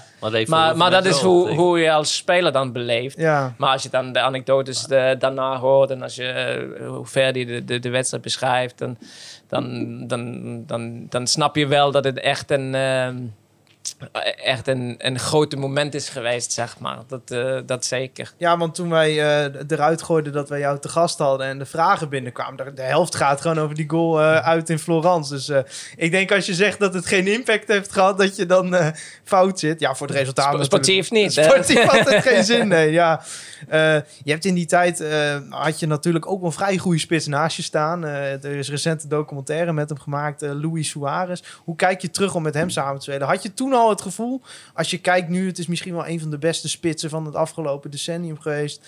Eh, hoe kijk je erop? Had je dat verwacht toen? Want kijk, als je de beelden ziet, iedereen kan zien dat die gast ongelooflijk goed was. Nee, dat, dat, dat kan ik niet zeggen dat ik, eh, had dat ik kon verwachten. Eh, dat, dat kan niemand van Nee. iemand verwachten, zeg maar. Dat Nee. is echt, dat is, dat is zo hoog niveau. Dat het is, ja, dat is bijna oneerlijk, hè. Eh, maar, maar dat was, je, zag wel... Eh, en met bepaalde type spelen die eh, van alles wi- willen winnen, zeg maar. En hadden wel een, een mentaliteit die, die echt een, een topsporter was. Hij, maar, maar was wel eh, in, in het begin was het wel even wennen en even moeilijk eh, voor iedereen, denk ik. Eh, dat, om hem even goed in de groep te krijgen en ook op het veld samen met andere spelers werken en zo. Maar, maar ja, de, de, de, de, de, de, de, punt waar, waar ik dacht dat ja, dit, dit is echt een, een speler die, die het ver kunnen ja, maken, zeg maar. Dat, dan, dat was in de Vite- Vitesse-wedstrijd. Dat heeft hij eigenhandig ja, dat, ja, de, wedstrijd omgegooid en twee doelpunten gemaakt. En dan dacht je, Maar wel, ook ja, in die play-off finale tegen Utrecht, dat hij dan Ja, je- niets even naar zijn linkerbeen. En, eh, als je dit eh, op eh 18, 19 jaar leeftijd kan kunnen doen, dan, eh, ja, dan is de hemel gewoon eh, het grens. Ja, ja. Ik, ik vind wel die tweede goal eh, die hij maakte in die uitwedstrijd in die play-off tegen Utrecht, dat is eigenlijk jouw goal, toch? Ja, ja die, die wel. Ja. Maar hij had wel voor mij ook heel veel assists. Dus eh, ik, kan, ik kan wel herinneren dat eh, Ron Jans, eh, die keer zegt, hij was eh, wel op tijd dat jij ook een assist naar Louis, schreef. Ja, want, want over Ron Jans, die is, die is jouw trainer geweest de gehele periode dat je, dat je bij FC Groningen zat. Hij heeft ook het voorwoord geschreven van het boek. Wat, wat is jouw band met Ron Jans? Wat maakt die band zo bijzonder? Ja, eh, dat is eh, moeilijk om uit te leggen, maar eh, het gaat. eh, dat, dat was misschien de eerste trainer die eh, mij als mens even heeft gezien, zeg maar. Dat is niet alleen maar de voetbalgedeelte, maar wel als mens. Als ik daar eerst binnenkwam, dan, dan krijg ik wel een, een kleine boekje met de Noors-Nederlands... eh, Ja. eh, ver- vertaling, zeg maar. Eh, dat, wa- dat was een cadeau toen ik daar kwam. hè. En, eh, en ja, het was, het was gewoon... En, en het respect voor elkaar. En eh, gewoon ook dat het eh, natuurlijk een, een, een goede trainer was. Maar, maar het was, het was de menselijke gebied. En, en voor mij als speler eh, was dat wel heel prettig. En dat maakte me wel heel... eh, gaf me wel een hele goede gevoel. En dan als je, als je rustig buiten het veld is en als je weet dat je je, je wel even goed met om kunnen, dan, dan, dan kan je ook beter voetballen. Zo, zo ben ik eh, Ja. in ieder geval. En, en dat, ehm, dus, dus dat, eh, dat was eh, gewoon groeiende door de, door de jaren. En eh, hij heeft me natuurlijk ook eh, als, als aanvoerder eh, de aanvoerdersband gegeven. En eh, ja, dat, dat maakt je ook natuurlijk trots als je aanvoerder van een, eh, van een club als Groningen mag, eh, mag worden. Dan, eh, ja, du- dus, dus de samenwerking was, eh, was eh, gewoon, eh, wel gewoon heel goed. En, en hij heeft heel veel voor mij betekend. Ja, daar zou ik graag wat over willen zeggen. Want het, een paar dingen. eh, je, je volwoord. Toen we daarover begonnen, wie wil Ja. weer voor het volwoord? Dan eh ah, ik wel gewoon, ik begon, kwam van niet met Ron Jans. Ik denk, ja, hartstikke leuk. Maar eh Moet wil ook liever verkopen. Eh, mij wel meer aan, eh, moet ik Ja. eerlijk zeggen. Maar dan ging ik toen voor het eerst naar Ron Jans toe eh, om, om met hem te spreken. Dan merk je het altijd een en ander. Maar vooral gisteravond waren wij bij eh, Ron Jans. Ja. En wij zeiden vlak voordat we er waren, wij dachten dat hij nog lekker in Tinalo woonde. Maar het was Nee. dus gewoon eh, In Twente daar. twee uur rijden op een Ja. behoorlijke klote weg naar Hutte. En van voor, ah, het is wel ver rijden hoor. Maar het was gelijk bij binnenkomst. Eh, na één minuut dacht ik al van ja, Ja. dit is het water. We zijn ook heel laat weggekomen. Die twee hebben gewoon een ongelofelijke band. Ja. Dat, dat, dat, dat, ja, daar krijg ik dan weer kippenvel Ja, van. Dat was gisteren, dat was zo te zien. En toen dacht ik al één ding, ja, dit is echt maar de enige persoon die dit voorwoord had kunnen Ja, schrijven. en het spreekt er ook voor Ron dat, dat na al die jaren dat dat nog steeds, eh, weet je, hij is jouw trainer geweest, maar dat dat ook nog steeds op zo'n persoonlijk gebied. Ik denk dat dat heel goed.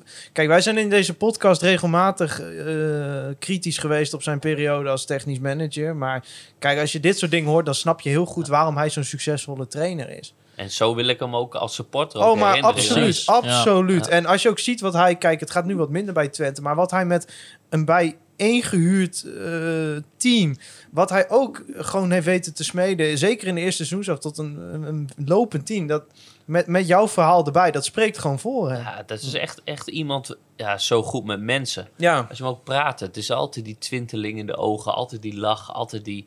Ja, dat, dat, dat, maar vooral tussen hun twee. Je merkt gewoon bij binnenkomst hebben ze, nou, hoe lang had je hem niet gezien? Maar je merkt Ja, gelijk. heel lang. Ja, je merkt gelijk die, die... Echt fantastisch. Ja, Nou, in 2007 wordt eh, Erik ook eh, Groninger van het jaar. En eigenlijk zijn populariteit stijgt en stijgt. We hadden een vraag van Xander die vroeg... hoe was het voor jou om zo groot te zijn in Groningen? Ja, ik voelde me nooit eh groots in Groningen. Eh, ik, ik voelde me wel eh, eh, belangrijk voor het team. En ik voelde wel dat, eh, dat je, je voelt wel dat, dat je een, een goede voetballer bent. Maar ik, ik voelde me nooit als, eh, als groot in Groningen. En als ik dat had gedaan, dan was ik waarschijnlijk ook nooit groot in Groningen geworden. Dus het, het is. dat, dat zie je wel van achteraf. Dat je, dat je wel toen, toen de sociale media en zo wel even kwamen, zeg maar. Dat was wel na die tijd. ja. Echt dat het eh, doorbraak, zeg maar. Maar misschien Ja. is het juist dus, eh, als ik het beschouw, zeg maar, dat, dat jij jezelf niet, die bescheidenheid, zeg maar, over je hebt, dat dat juist is wat mensen hier in de regio zo raakt. Dat het echt een, wat jij eerder ook al zei, de perfecte match is geweest. In die zin. Ja, 100%. Ja, dat is gewoon, maar al dat, eh, nou, een voorbeeldje waar elke Groningen het ook nog hebben. Dus die zwaaiende armen eh, richting een, ja, als een terugspelbal kwam van de tegenstander, dan eh kwam Ja. Erik daar met een zwaaiende armen richting die, die, die keeper lopen. En dan, dat is hartstikke mooi, daar praten heel veel Gronings over. En de eerste keer dat wij erover over praten, dan, dan vroeg ik aan hem van, nou ja, waarom deed je dat? Ja, zegt hij, "Joh, ik denk niet dat ik er ooit uit gescoord heb, maar gewoon om de minste voordeel te halen. Ja, En toen zei ik tegen hem, maar wat denk, wat denk je dat er met ons deed op, Ja. de, op de supporters? Wat dacht je dat met de tegenstander Ja. deed? Wat dacht je? En dan ging hij weer van de rechtsback naar de linksback Ja. met de slijding. Ja, wij Groningers vinden dat prachtig. ja, maar kijk, we hadden vorig jaar op een gegeven moment Kai Sierhuis eh, op, eh, gehuurd van, eh, van Ajax. En die deed dat ook. En dan zag je gewoon meteen mensen zeggen van, hey, wie het, is het dit? brengt meteen wat in het stadion. het Maar wie is wat- dit? Erik Nefland. Je naam wordt er meteen aan, aan gekoppeld. Laatste vraag, denk ik, van, eh, van Kwebeman. eh, over de FC Groningen periode dan. Hè. We zijn er nog niet, want eh, er kwam nog even een clubje achteraan. Daar zullen we het zo over hebben. Eh, wat is je mooiste goal bij Groningen geweest? Oh, die vraag krijg ik vaak. Ja, Eh, maar uit. dan eh, moet je van 165 kiezen. En ja, ik, ik zeg het, een, een mooie goal. Wat is een mooie goal? Hè? Eh, is het, eh, wat het wat- wat- hoe belangrijk ja. het was? Is het eh, hoe het eh, uitziet? Is het het gevoel dat je zelf hebt? Dat er is zoveel eh, doelpunten die ik, zou 5, 6, 10, 20 meteen kunnen noemen Ja. die echt voor mij iets speciaal betekent, zeg maar. Eh, maar maar het, gaat eh, natuurlijk... Voor veel Groningers gaat het over die Fiorentina goal. Dus Ja. Dan kan je niet... eh, was ook een mooie goal. Ja, het was ook een mooie goal, ja. Maar, maar voor mij persoonlijk was eh, de prestatie van, van andere goals misschien beter, zeg maar. Dat- Dus, dus het kiezen van, van de mooiste goal is echt, echt moeilijk. Eh, Maar, maar ik had wel in, eh, in de kwartfinale van de beker in Noorwegen een echt een, een, een omhaal... eh, zeg je dat? Omhaal? Ja. omhaal. Ja, ja eh, meteen een 1-0 gewonnen. Dus door naar de, de halve finale en de, de beker gewonnen. Dus dat was wel de mooiste als Ja. je naar kijkt. Ja. Eh, en ook wel dat we 1-0 wonnen en dan nog de beker wonnen, zeg maar. En Dat- die goal bij Fiorentina dan de mooiste goal van FC Groningen? Voor FC Groningen? Eh, ja, dat, dat is één van de eh, mooiste goal. Nou, maar- dan zetten we hem. Ja, maar ik heb ook één uit tegen Utrecht in mijn eerste jaar. Met eh, echt eh, van de rand van de, van de 16 en de hoek van de 16. Die Ja. Echt in de, in de verre hoek. eh, Waar je veel op trainde ook. ja, waar ik veel op, Ja. op trainde. En dat, dat voor mij was dat wel zo echt een mooie goal, zeg maar. Omdat dat wist ik dat... Dat, dat werkte ik vaak mee. eh, met, met Roy in, in doel na de trainingen. Ja. En stonden schieten zo. En, In de tuin in zuid ja, ja. maar, maar dan, eh, dan is dat voor mij wel echt een mooie goal. Ja. Maar, maar eh, voor iedere Groninger zeg ik gewoon Fiorentina. We zetten hem Fiorentina. Ja, en dan komt de overstap naar Fulham. wat eigenlijk ja, ook zowel voor jou als voor de club een, een hele pijnlijke transfer is geweest. Kan je vertellen hoe dat ging? Ja, dat is eh, ook een hele lange verhaal. eh, maar ik ga wel proberen hem uit te Ja, leggen. want het, het, is- het is een gecompliceerd eh, gedoe geweest. is, Zo mooi als jouw ik- tijd bij Groningen was. is dit misschien wel iets waarvan, waarvan je achteraf denkt... Ja, kijk, er is veel dingen die, die meespeelt hier. Dat is eerst, de eerste was dat, oké, ik, mijn, mijn contract liep af. Eh, ik was eh, onderhandelen met, met FC Groningen over een nieuw contract. Eh, had natuurlijk wel, in die periode had ik wel echt eh, kunnen zeggen dat, ja, nee, dat, is- dat gaat niet gebeuren. Ik ga weg. Ja. En, en voor meer geld zelf verdienen. Dan dacht ik dat ja, ik heb het zo goed naar mijn zin in Groningen. Als mijn carrière bij Groningen eindigen, zou ik dat heel, zou ik dat m- heel tevreden mee zijn, zeg Ja. maar. Eh, daarna, dus toen, dus, dus ik heb wel drie jaar bijgetekend. Niet, niet echt eh, zo groot verdiener of zo, maar wel, wel tevreden natuurlijk. Eh, dat doe je ook een beetje voor natuurlijk. En en ehm, bijgetekend. En, en dan ja, in de najaar of rond de kerst blijft eh, Roy Hodgson aangesteld als, eh, als de manager van Ja. Fulham. Is trainer van jou geweest in, in Ja, is trainer van mij geweest bij Viking de Ja. laatste halve jaar. Daar had ik ook echt een goede relatie mee. Eh, hij vond, hij, ik, ik kon heel goed met hem samenwerken. Hij vond mij ook een hele leuke speler en wilde mij voor alles dat ik bijgetekend bij Viking toen hij daar was. Ja, maar dat was uiteindelijk de technische directeur die zei dat, eh, dat, dat doen we niet, dat kost te veel. ja. Eh, heb ik, ehm, eh, heeft hij door mijn zaakwaarnemer gezegd dat ja, als Erik naar Fulham wil, dan, dan kan dat. Ik, ik moet iets doen om Fulham in de Premier League te houden. En hij is een van de spelers die, ja, als, als ik hem. Als, als, als ik hem kan gebruiken, dan, dan ga je niet zeuren. Dan ga je gewoon zijn beste doen. En dat heb ik nu nodig. Dus ja, ik, ik krijg de telefoon van mijn zaakwaarnemer dat eh, je kan wel naar Fulham.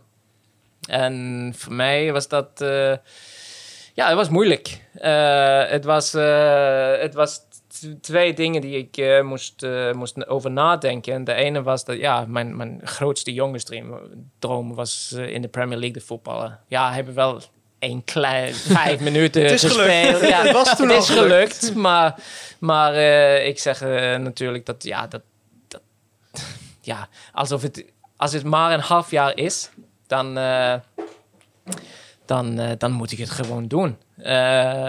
En, en, maar, maar het was ook zo dat bij Groningen was het, had ik heel goed naar mijn zin. Mijn ge- gezin was wel echt goed naar zijn zin. En, maar ik zeg dat, ja, dat moet, ik moet gewoon doen. Ik ben 30 jaar.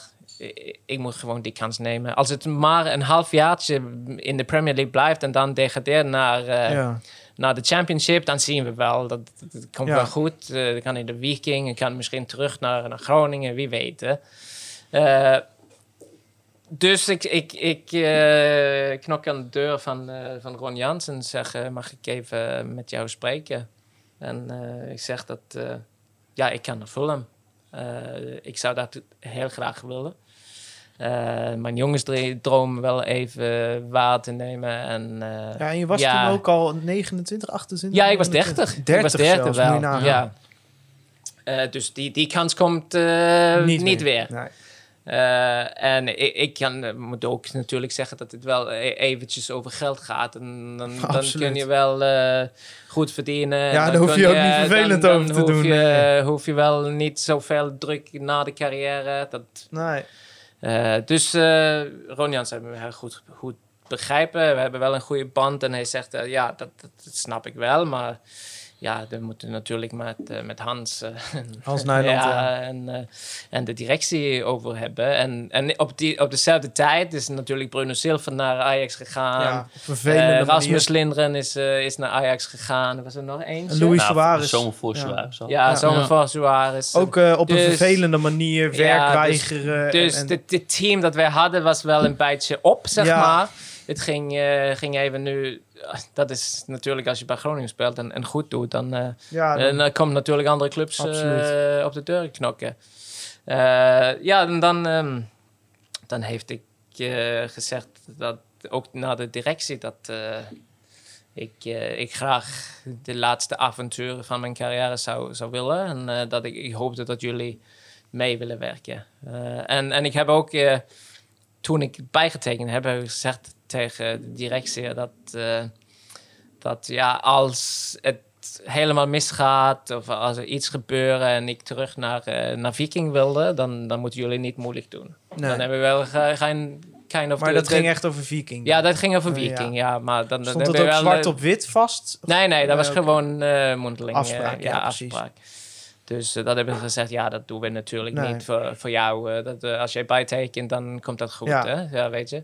Ja, ik heb bijgetekend. En, ehm, ja, en toen ik de, bij de directie dit toegeef, dan, dan zeggen ze, ja, dan moeten ze wel met een bod komen, bod komen. En dan zien we wel, maar we willen jou niet kwijt. Nee. Dat snap ik wel. Nee, en, en, en eh, om het even chronologisch uit te leggen. Fulham komt in eerste instantie met rond een miljoen eh, een bod Ja, op jou. ja. En Groningen wilde graag 2,5 miljoen hebben. Ja. En toen, toen viel het een beetje stil. En toen eh, zei op een gegeven moment, zei Fulham, oké, wij komen naar Schiphol toe.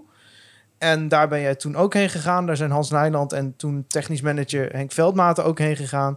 En toen is Fulham met 2 miljoen gekomen. Ja, ja hoe dat eh, is gegaan, dat weet ik niet helemaal. Maar, maar het is wel zo dat, dat Fulham eerst 1 miljoen boete. Ja. Een bod van 1 miljoen heeft eh, uitgebracht. Eh, dacht ik wel, ja, dat is vrij redelijk. Dacht Ja, ik, voor een 30-jarige 30-jarige speler, ja. spits die in een jaar of twee misschien op is. Dat weet je nooit. En die transfervrij naar de club is gekomen. Maar dat, zij willen wel 2,5 miljoen hebben. Ehm, ik, dat, dat, dat snapte ik wel. Maar ik dacht, ja, zo, zo, dan, dan, dan denk, denk je, ja, zo in, in, in het midden gaat het wel goed uitkomen. Ja, Eh, maar, maar dat lijkt niet het geval te zijn. En, en eh, dan, Nee. dan zeggen zij, ja, als Fulham niet met een eh, hogere bod komt, dan, dan eh, kan je, vergeet het maar. ja. dus zij wilden Eh, echt 2,5 miljoen en anders Ja, niets. ja, en dan zeg ik, ja, maar, maar zouden jullie niet met Fulham echt willen praten? Ja. En dan kunnen jullie misschien uitkomen. Als je dan eh, face-to-face zit, dan, dan is het misschien Ja. makkelijker om wel even uit te komen. Eh, heb ik gezegd. En zij hebben wel naar, naar eh, Schiphol eh, gegaan. Ja, en jij met de trein, geloof ik. Hè? Want dat- dat- nee, ik, ik had, mijn zaakwaarnemer was wel bij... eh Bjarne Goldbeck was, werkte voor Rune Heugen. Maar Ja. hij was wel in Groningen bij mij. Ja, en hij heeft mij naar Schiphol gebracht Ja. in die auto. En hij heeft gezegd, ja, neem je koffer mee. Als je uitkomt, dan ga je gelijk Naar Londen. Naar, naar Londen. En ja, ik was natuurlijk, ja, dacht dat dit, dit, dit gaat goed. ja als je, geen- als je een koffer probleem. mee moet nemen, ja, dan... eh, Dit, dit, dit gaat, ze gaan wel uitkomen. Ik neem een koffer mee en ik, ik, ik, ik, ik begrijp wel vanuit de, de, de clubs eh, zijde dat dat ziet niet goed uit. Dat ik Nee. met mijn koffer kan en eh, Nee, ga maar- zo gelijk naar, naar Londen. maar ze kenden jou ook al wat langer maar- dan vandaag. Ja, toch? maar, Ja. maar dat, dat, dat, zo was het niet bedoeld. Nee. Eh, Was ook Maar gewoon de dat- zaakwaarnemer die dat tegen jou zei. ja, hij zei dat tegen mij. Neem, Ja, neem en het anders maar zit je mee. straks in Londen Ja. zonder kleren. Dat, Eh, nee, maar het was ook heel dicht bij de transfer deadline. Er was, Ja. er was, geen, eh, was niet zo dat ik een week of twee had om dit Nee. eh, voor elkaar te krijgen. Er was echt eh, een dag of twee. Ja, Eh, dus dan ja, heb je geen tijd Nee. te, te, te, te verliezen. te nee. verliezen, nee. Dus eh, dan, ehm, ja, dan kwamen ze niet uit. En boos, eh, Henk en, en, en, Hans is eh, heel boos eh, daaruit gegaan en eh, tegen mij gezegd: ja, dit, dit gaat nooit gebeuren. Je mag gewoon. Ja, Gaan wij, we- gaan, wij gaan naar huis, we gaan niet meer praten. En als ik het uit het boek goed begreep, had jij toen zoiets van... Oh, wacht even. Dus als eh, Bruno, Bruno Silva een, een, een arbitragezaak aanspant, dan mag hij weg. Als Suarez weigert te trainen, dan mag hij weg. Maar ik die, die altijd alles heb gegeven voor de club... en dat weet Ja. iedereen die jou hier meegemaakt heeft, dat heb je gedaan... Ik word dan eh, mijn droomtransfer. Eh, Want je bent 30, Ja. je kunt nog naar Ja. de Premier League. Je weet dat je daar een trainer krijgt die je goed kent. Jou wordt dat ontnomen. Dus jij zit daar op dat moment met, met dat gevoel. Dus, Ja. en, en er zit op dat moment zit er een half miljoen tussen. Tussen wat Fulham wil betalen en wat FC Groningen Ja, wil hebben. hoe de onderhandeling eh, is gegaan, dat, dat, dat weet ik Nee. niet echt. Maar, maar het, was wel, eh, het was wel die gevoel. Ja. En dan, eh, dan, dan, dan heb ik ook met de trainer of met Ron Jansen over gehad. Eh, dat zeg ik. Ik, ik, ik ben echt teleurgesteld. eh na de training de dag daarna. Ik ben alleen eh, in de trein eh, terug naar, naar Ja. Assen gegaan en opgehaald door Brita. En, Ja, je vrouw. Ja, Ja. maar, maar dat, dat, dat wilde ik zelf hoor. Ik, ik moest wel even tijd voor mezelf hebben. Ja, Maar, maar dan, dan heb ik gezegd dat... eh, ja, nu, nu was ik het wel even kwijt. Ja, dat maar- je geen aanvoerder meer kan zijn. Ja, en dan ging ik naar Ronnie Ja. Hans toe met, eh, dan zeg ik dat, ja, ik, ik, ik, ik zou, voor jou doe ik alles. Ik eh, ga elke wedstrijd spelen, ik ga alles doen om voor jou echt, als jij me op wil stellen, dan stel me maar op, ik ga mijn best doen. Maar ik kan voor dit club geen aanvoerder meer zijn. Dus dan heb ik dat eh, naar hem eh, gezegd. ja En van, jij heeft levert hij- je band in ja, op dat we hebben moment. gezegd, dat, dat kan ik niet brengen op dit moment. Eh, maar voor jou doe ik eh, op veld mijn beste en, en ga eh, ja, professioneel optreden, zeg maar. Ja, en, en uiteindelijk gaan die onderhandelingen dan verder. En zoals we weten ben je uiteindelijk bij Fulham beland. Eh, en zoals ik al eerder zei, er zat een half miljoen tussen. Ja. En wat er uiteindelijk gebeurd is, eh, feitelijk, is dat jij die halve miljoen uit eigen zak hebt betaald. Ja, klopt. Eh, de- eh, ja, er zit ook heel veel daartussen, maar dat... eh, Daar komt het Ik- feitelijk ik- op neer. Ja, ja ik heb, ik heb eh, de dag eh, na de onderhandelingen met Fulham heb, heb ik naar eh, Hans Nijlen eh, gebeld en zegt dat eh, ja, ik, eh, ik wil terug naar Viking. Ik, ik, ik, ik kan voor, voor FC Groningen niet meer eh, opstellen. Ik, ik, moet, eh, ik moet gewoon naar huis. Ik moet Ja. gewoon Even, Gewoon, in ieder geval niet Ja, bij FC Groningen, nee. maar, op dat moment. Eh, en eh, dan, eh, ja, dan, dan stop, dan heb ik de telefoon eraf en kwam het neer dat, ja, oké, op een gegeven moment heeft, heeft ik met Henk Veldmaten gesproken. Dus toen wil ik ook eigenlijk niet met Hans meer praten. Nee, heeft ik met, je was boos met- op hem omdat Ja, hij ja. in die onderhandelingen zich zo. Koud en, en Ja, het, het is met name, als ik het boek lees, is het met name zijn houding, dat, dat koude zakelijke, terwijl hij aan de ene kant tegen jou zegt hoeveel je voor de club betekent. Dat, dat zat je dwars. Ja, maar ik, ik snap ook, eh, nu werk ik, ben ik ook werkzaam bij een voetbalclub en ik snap, snap natuurlijk dat, Ja. eh, dat hij, hij de, de cl- clubbelang eh, de, de belangrijkste vindt. Dus daar hebben we geen, geen problemen mee. Maar toen hebben Henk Veldmaat tegen mij gebeld en gezegd dat ja, wij, wij komen niet uit, helaas. Eh, ik vind het wel jammer. Eh, maar eh, wij willen wel 2,5 miljoen hebben en eh Fulham kan niet meer dan 2 miljoen betalen. En ja, dan zeg ik in emoties eigenlijk dat eh, ja, als het zo moeilijk is, dan ga ik de 500 betalen. Want kan je uitleggen hoe, hoeveel geld was voor jou 500.000 euro op dat moment? Ja, dat eh, heb ik eh, in die jaren die ik bij Groningen voetbal niet ge- verdiend. Nee. Zeg maar. Zoveel had ik niet verdiend.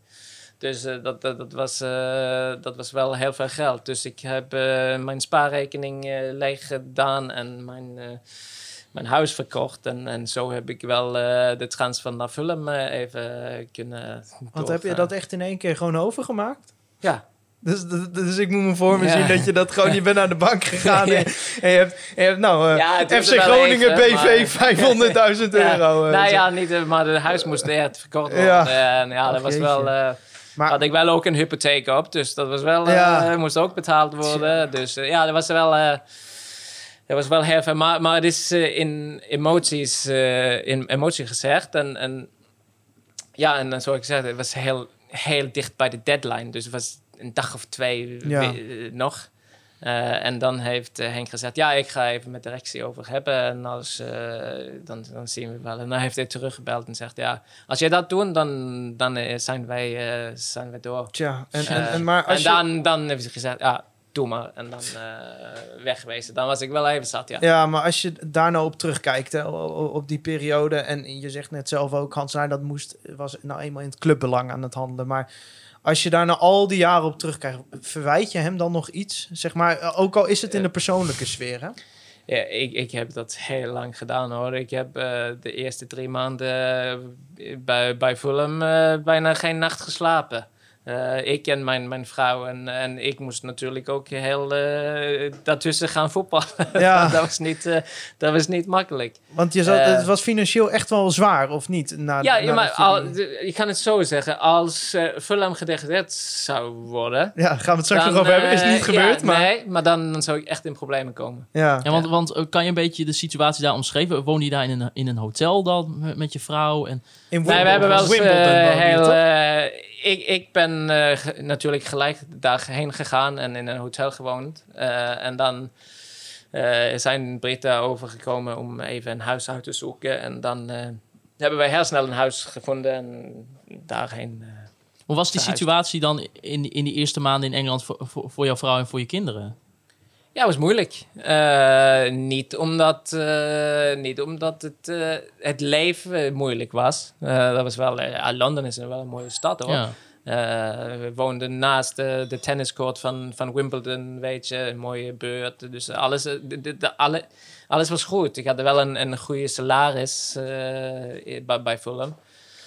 Eh, Kon je ook wel gebruiken op dat moment? ja, eh, dat, kon ik ja. natuurlijk, maar anders had ik het niet gedaan. Nee, nee, precies, nee. nee. Maar dan, dan, dacht, dan heb ik natuurlijk zo gedacht dat ja, als alles eh kloten gaat, dan, dan kan ik wel ja, iets geld opsparen, zeg Ja. maar, als, als alles goed gaat. Maar dan, dan was het wel even, even moeilijk, ja. En, en dat ging meestal door de, de manier dat ik wegging van, van ja, FC Groningen en de manier en, en hoe alles eh, zou uitspelen met eh degradatie Ja, of niet. eh, weet je, dat, dat, Maar- dat maar- maalt wel in je hoofd. Kijk, je- zoals we weten, je komt hier nog vaak, je volgt de club op de voet, maar voel je daar nog wel iets, zit daar nog iets van pijn of, of, of, of richting personen of richting... Nee, van, van, van FC Groningen, van de mensen bij de club, van de supporters. Nooit, nee, absoluut niet. Dat is eh, gewoon echt een van de beste perioden van mijn leven. Dus daar kan je niet, eh, ni- niet slecht van voelen. Nee. Maar, maar er is wel eh, dingetjes daar eh, tussen die, eh, die mij een, dat het heel moeilijk was. Maar, Ja. maar met de tijd wel even zo verdwijnt, zeg maar. Ja, Eh, weet precies. je, dat, eh, ja, het gaat toch goed. Je hoeft eh, die, die vijf ton, dat, dat, dat, dat- ja. Je hebt wel toch gezonde kinderen en alles is, is toch goed. Dus je hoeft niet... je hoeft niet... ja, het, het, het verdwijnt eigenlijk met de tijd. Eigenlijk is het een heel lastig eerste seizoen dan. Zowel op persoonlijk vlak als ook op voetballend gebied bij Fulham. Totdat het 12 april 2008 is. Fulham speelde uitwedstrijd tegen Reading. Jullie zijn eigenlijk eh, praktisch al bijna gedegradeerd. Allereerst scoort de Amerikaan Brian, eh, Brian McBride in de 24e minuut de goal voor Fulham. En vervolgens is het ook nog eens in de 92e minuut Erik Neverland. Het vormt eigenlijk het begin van, de van Great Escape. Ferdi, ehm, jij ook als Engelse voetballiefhebber. The Great Escape. Dat is eh West Bromwich Albion heeft ooit een eh, DVD uitgebracht met The Great Escape. Maar dat, eh, dat is eh, leuk voor hun. Maar dit was echt de, de Great Escape. En daar kwam natuurlijk het verhaal van ja, Groningen. Maakt het dan natuurlijk eh, eh, extra, extra scherp. Want ehm, ja, je, hebt het net al genoemd eh, dat... dat eh, dat de oneerlijkheid was, de, mate van oneerlijkheid was natuurlijk heel groot. Hè? Bruno Silva, Suarez die een jaar speelt en, en zo een vertrek forceren. En dan ehm voelen dat begint met 1 miljoen, eindigt, eh, verdubbelt het bod uiteindelijk naar 2 miljoen. Maar eh, Groningen eh, kreeg niet alleen 2 miljoen. We hebben wel meer gekregen via Nederland. Hè? Dus dat. maar goed, ehm, dat werkt dan helemaal door. En in die hele periode gebeurt er heel veel. Hij komt niet meer eh, hè, aan spelen toe. Zit soms niet eens meer op de, nou ja, op de bank. Ja, en dan komt die wedstrijd tegen Reading. Wat dat bedoel je? Ja, nou ja, daar, daar begint het uiteindelijk. Daar hè? begint met, het Met ook uiteindelijk. de goal van Erik. Ja, en dat, dat, als jij een, eh, een, een jongensboek gaat schrijven over voetbal, dan ga je zo'n verhaal schrijven. Hij, eh, het is eigenlijk, eh, begint eigenlijk, denk ik, bij die wedstrijd tegen Sunderland daarvoor. Verlies Fulham volgens mij met 1-3 of 0-3. Is, eh Erik zit er niet eens op de bank. En dan, als je dat interview met Hodgson leest, dan, ja, dan is het op een gegeven moment vijf wedstrijden voor het einde staan ze met zes punten onder de streep. Ja, dat Met weet ik niet. met nog vijf wedstrijden te gaan. En na Reading is het Manchester City uit, Liverpool thuis. Ja, eh, het was gewoon niet meer te halen. Kansloos eigenlijk. Kansloos. Nou, Erik komt dan eindelijk weer echt na een hele lange tijd wel op de bank te zitten. En eh, ze hebben op dat moment, heeft Fulham... Nou, je weet dat ik Villa-fan ben. Eh, ik, ik speelde altijd graag thuis tegen Fulham. Wisten we dat we drie pu- punten konden bijschrijven. Want uit, uit was Fulham gewoon dramatisch hè, op dat moment. En Nooit bij, Villa, nooit bij Aston Villa verloren. ja, ja, ja, dat, dat was dan na dan ja, dat klopt, ja. Thuis ook niet trouwens. Maar goed, daar hebben we het even niet over. Maar jullie hadden... Fulham had in ieder geval maanden niet meer gewonnen. Ik denk al wel uit Ja, 18 maanden denk ik. 18 maanden of zo. Jeetje, ja. Nou goed, het wordt dan 0-1. En, eh en Hodgson was natuurlijk wel iemand van eh, verdedigen, hè, het goed staan. Ja, en dan maakt hij een goal. eh, die 0-2, dat, dat is geweldig. En ze winnen die wedstrijd. Maar dan, ja, dat is nog maar één stap. Ze staan nog eigenlijk mijlenver achter de, de, een veilige plek. En de volgende wedstrijd is dan Manchester City uit. En dat is dan al een, een, een topclub eh, in wording, zeg Ik denk maar. een beetje met Robinho, eh, Ja, dat soort ja, types die toen, periode. Ja. Ja, en dan staan ze, en we hebben net over Vitesse gehad, dat komt weer heel mooi uit. Staan ze in de rust met 2-0 achter, Erik op de bank.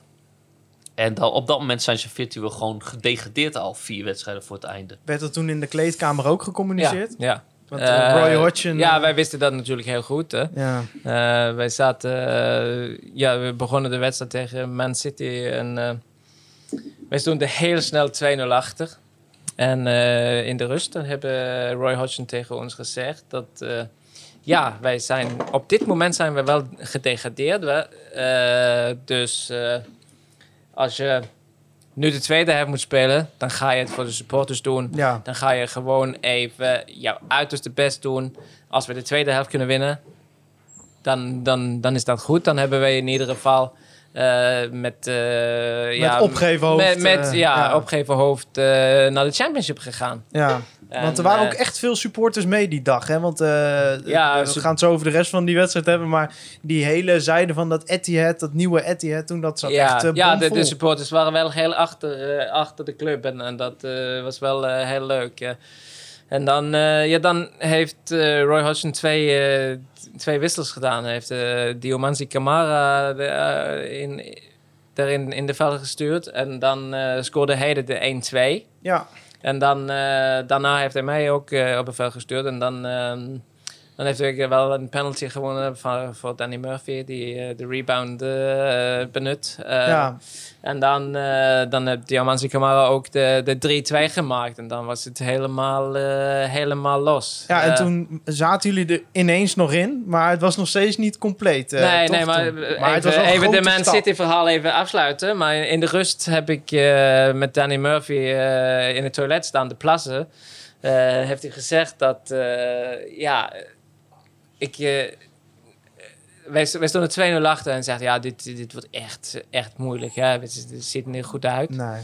eh, heb ik gezegd dat ja, ja gekkere ding is, eh, is in, in het voetbal eerder gebeurd. Dat, eh ja, dat we 2-0 achter en, en, en wel kunnen winnen. Dat, dan zei ik ook natuurlijk, dat heb ik zelf meegemaakt eh, bij, bij Groningen. Dat wij eh 3-1 achter stonden en 10 minuten te spelen en 4-3 winnen. Dus Ja, je, kan, je kan eigenlijk nooit opgeven. Hè? nee. Eh, dus dat, dat, dat was niet de reden waarom we wonnen, maar, maar wel even een, een goede anekdote. Ja. Als, je, als je gewoon in gelooft, dan, dan, dan kan het wel kan alles, alles gebeuren. Ja, en en dus met die drie punten op zak eh, uit bij Manchester City, dan volgt Liverpool thuis, geloof ik. Of op Anfield was dat toen. Ja, dat was thuis, denk Ja, ik. en- Maar, en die eh, ging maak je 0-2. alleen met 0-2 Ja, verloren. dat- dus, eh, Maar daarna komen eigenlijk voor jullie pas de echte wedstrijden. Ja, eh, nu moet je me even helpen, Ja. Manchester City, Dat- daarna kwam Liverpool. Eh, Dan Ja. was je, ben je dus eigenlijk virtueel gedegradeerd. Je wint er met 2-3, maar dan heb heb je je wel een grote, grote prestatie geleverd. Maar eigenlijk ben je nog nergens. Nee, hè. je hebt nog niks. En dan Liverpool die Maar week het leeft nog, hè? Ja, Ja. het leeft nog wel, maar Liverpool daarna wordt dan weer heel zakelijk verloren. En dat is geen schande. Ja, en dan komt Birmingham City. En als je de statistieken, daar hadden ze ook al heel lang thuis niet, eh, niet van gewonnen.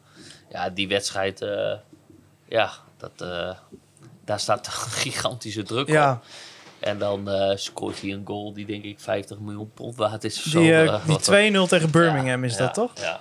Dus, eh, je komt eigenlijk vanaf rechts en je schiet hem kruislinks onder de keeper door. eh. Ja, ja, ik... eh, hoorde het commentaar in de Ja, de, de commentaar is wel echt, echt mooi. Eh, maar er is wel een, een fout van de verdediger, die, eh, die wel de, de bal niet eh, goed, eh, goed kan hanteren, zeg Nee, maar. precies. En ik, eh, ik, ik, ik pak de bal wel en eh, loop alleen met de keeper. En heb eigenlijk wel heel veel tijd om, om na te denken. Ja. Wat, wat ga ik nu doen? En eh, ik heb eigenlijk... de- de- mijn eerste gedachte was gewoon lekker in de hoek met de binnenkant schieten. En dan, dan, dan, dan komt het wel goed. Maar heb ik op het laatste moment wel even van mening veranderd. En, en in die andere hoek eh, geschoten. Dus eh, ja, dat was eh, zo echt een lekker gevoel. En dan na die wedstrijd hadden wij natuurlijk alles in eigen handen. Dan Ja. hebben wij eh, echt... eh, Want toen volgde Birmingham, toch? Nee, Of, sorry, Nee, dan, dan, Portsmouth. dan, dan, Portsmouth, dan moeten sorry. wij de laatste wedstrijd van het seizoen moeten wij echt uit naar Portsmouth. Ja, dat is geen makkelijke wedstrijd. geen makkelijke vaak, wedstrijd, maar zij waren, zij waren wel. ehm, eh, eh, zaten wel in de FA Cup final. Ja, Eh, dus de laatste wedstrijd echt niet van belang. Hè? nee. Eh, en ik heb eh, laatst, eh, ja, twee, twee weken geleden ben ik in een podcast bij, bij Fulham gezeten. En eh, heb met een, eh, iemand, Sean Davis, eh, in dezelfde podcast gezeten. Ja. En hij was echt een, een Fulham-legende, zeg maar. Speelde toen bij Portsmouth.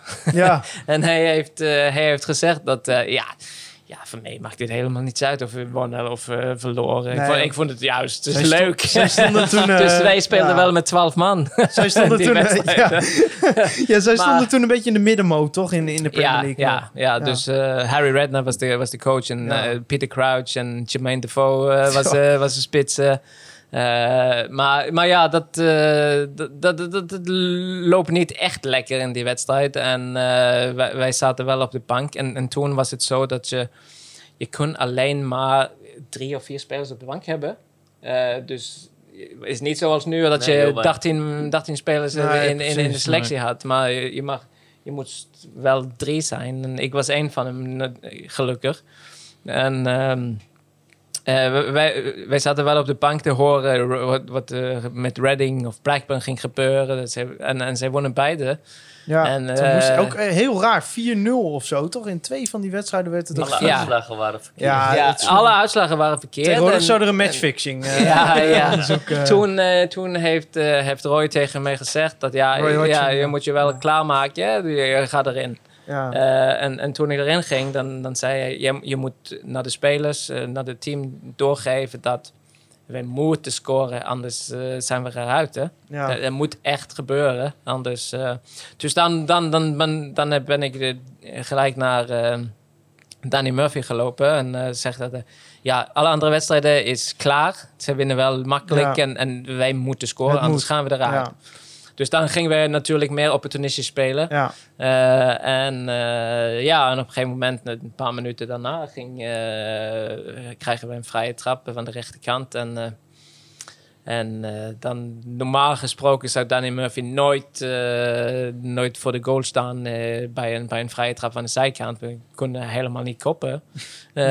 En toen, maar dan heeft hij natuurlijk naar, naar voren gegaan. En, en ja, en dan eh, eindigt het zo dat eh, niemand hem oppikt en, en hij, scoort een goal. En eh, ja, dan de laatste 10, 15 minuten is echt, denk ik, de, de langste 15 minuten in mijn leven. was echt, ja.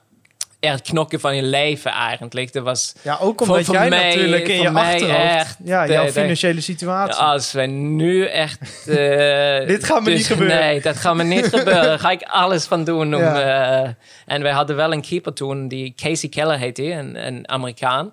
Die gingen nooit eh crosses eh, pakken, zeg maar. Met, eh, van, Nee, eh, maar opeens ging hij ook zo crosses pakken van eh, net voor Peter Crouch. Ja, weet je. die Dus, staat er eh, ook dus Ja, alles ging dan- onze weg. Dan mag je eh, geen doelpunt tegenkrijgen Nee, en dan staat krijg je- Peter Crouch daar. en, ja. en toen de, de scheids de, de, de fluitsignaal heeft gefluiten, dan ja, dat was echt vreugde. En, ik, ik, ik kan het zo goed herinneren dat Brede Hangeland, een oude teamgenoten van, van de tijd van, bij Viking, Ook een Noord, toch? ook in Noor, ja. Ja. Een goede vriend, trouwens. eh, kwamen naar mij toe eh na de wedstrijd. Wij, wij zoekten el- elkaar op natuurlijk. En, ja, en hij zegt... Oh, dit is zo fucking lekker, hoor. Eh, dus, eh, echt miljoenen waard, dit. dus eh, het Oh. was... eh, ja, het was... eh, het- voor, voor mij was het letterlijk Ja. niet miljoenen, maar wel... wel echt, eh, echt van belang eh, van mijn toekomst, zeg maar. Ja, want het, het is natuurlijk, kijk, eh, Fulham, je wil natuurlijk overal waar je hebt gespeeld, heb je met je ziel en zaligheid gespeeld en, en je wil dat Fulham erin blijft. En, maar het had ook voor jou zo'n belangrijk, het was zo belangrijk dat dit ging lukken. Ja, En, eh, ja. de- financieel wel, maar Ja. het leven zou ik Ja, natuurlijk eh, precies. alles goed gaat. Dat, Ja. dat- dat- daar gaat het niet om. Nee, maar, Maar- maar, ik maar denk dat, als je- kijk, als je net vijf ton aan FC Groningen BV hebt moeten overmaken, dan... eh, als, je, als je dan eh 15 jaar eh profvoetbal eh, zijn geweest en, en niks nee. terug hebben, zeg maar, dan eh, is het wel eh, even kloten. Ja. Als uh, Dagblad van Noorden moest geloven, kwam er ook nog een clausule in het contract dat er eh, op dat moment dat Fulham zich veilig speelde, er even vijf ton nog even extra aan Oh, werd het worden. toch Oh, 2,5 ja. miljoen? Precies, Nou. vijf ton. Ja, Keurig. Ja. ja. In het seizoen daarna eh, worden jullie met Fulham zevende. Plaats je je opeens voor de Europa League. Nou, natuurlijk een enorme switch al van voetbal om degradatie naar Ja. opeens je plaats voor de Europa League. En dan sta je ook nog eens het jaar daarna in de Europa League finale tegen Atletico Madrid. Ja. ja, je verliest hem wel met 2-1 door twee doelpunten van Diego Forlan. Maar hoe was die hele Europa League? Ja, dat was ja, dat je een club als Fulham in de Europa League finale staat. Dat, is, dat, dat hoort eigenlijk niet. Eh, dat, dat, kan eigenlijk niet.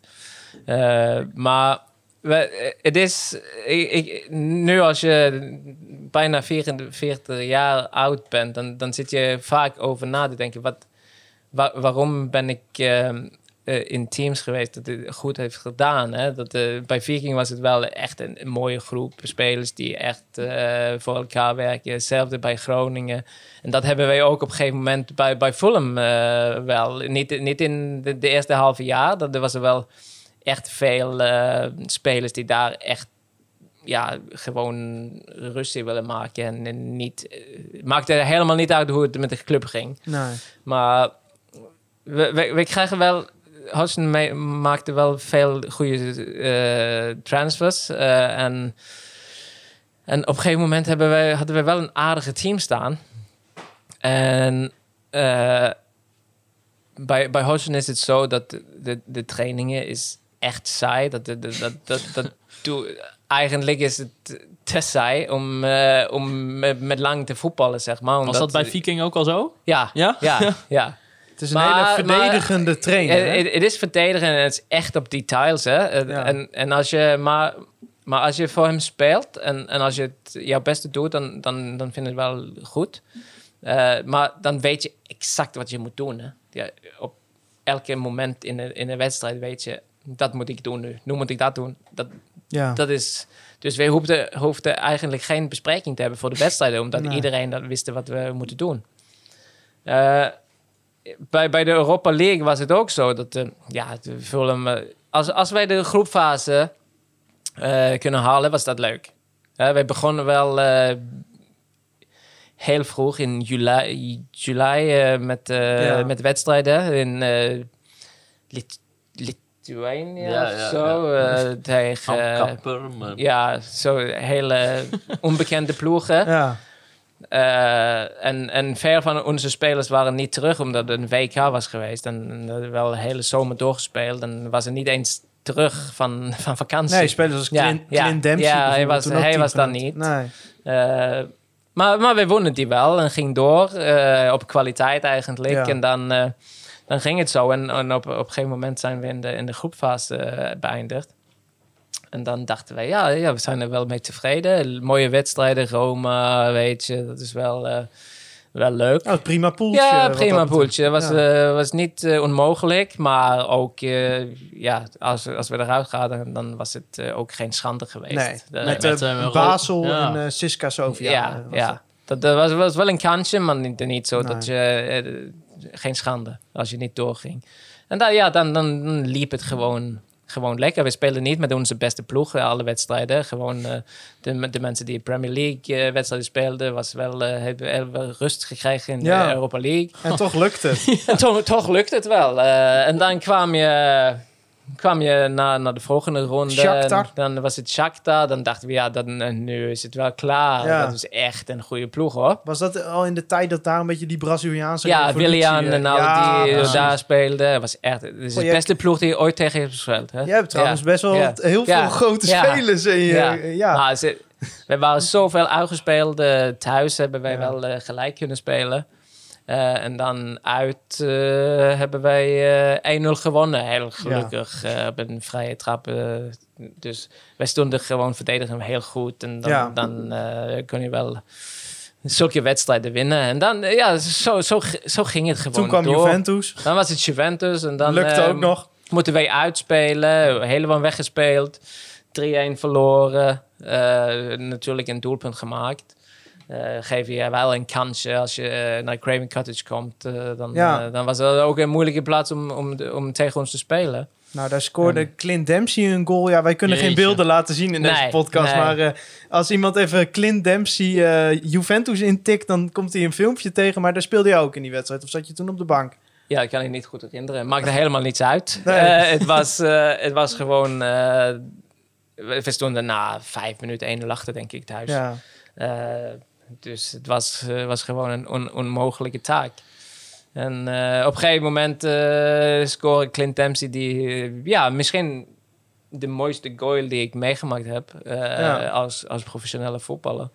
Eh, met eh, als je de, hoe het, hoe het eh, eruit ziet, Ja, de belangen en alles. Dat is echt, oh, een kippenvel weer. Ja. Eh, Maar, dat snap ik, want het is ja. echt een fantastisch doelpunt. Als je Echt, daarbij bent. echt mooi. En dan heb je natuurlijk Juventus uitgeschakeld. En ja, dat hadden wij natuurlijk ook niet verwacht. Het was, het was gewoon, eh, ja, op, als je eruit ging, was dat fijn. Geen probleem, hè? Dat was gewoon een goede... doel was de groepsfase. Ja, Ja, ja, en dan lukt Wolfsburg en HSV lukt ook nog. En dan ineens sta je in de finale. ja, Tegen Atletico met, nou, ik kan wel een paar namen op, eh, opnoemen. eh, Diego Forlan, eh, David de Gea, eh Weilen, eh, Jorge Antonio Reyes speelde ook Ja. toen eh, bij, bij Atletico.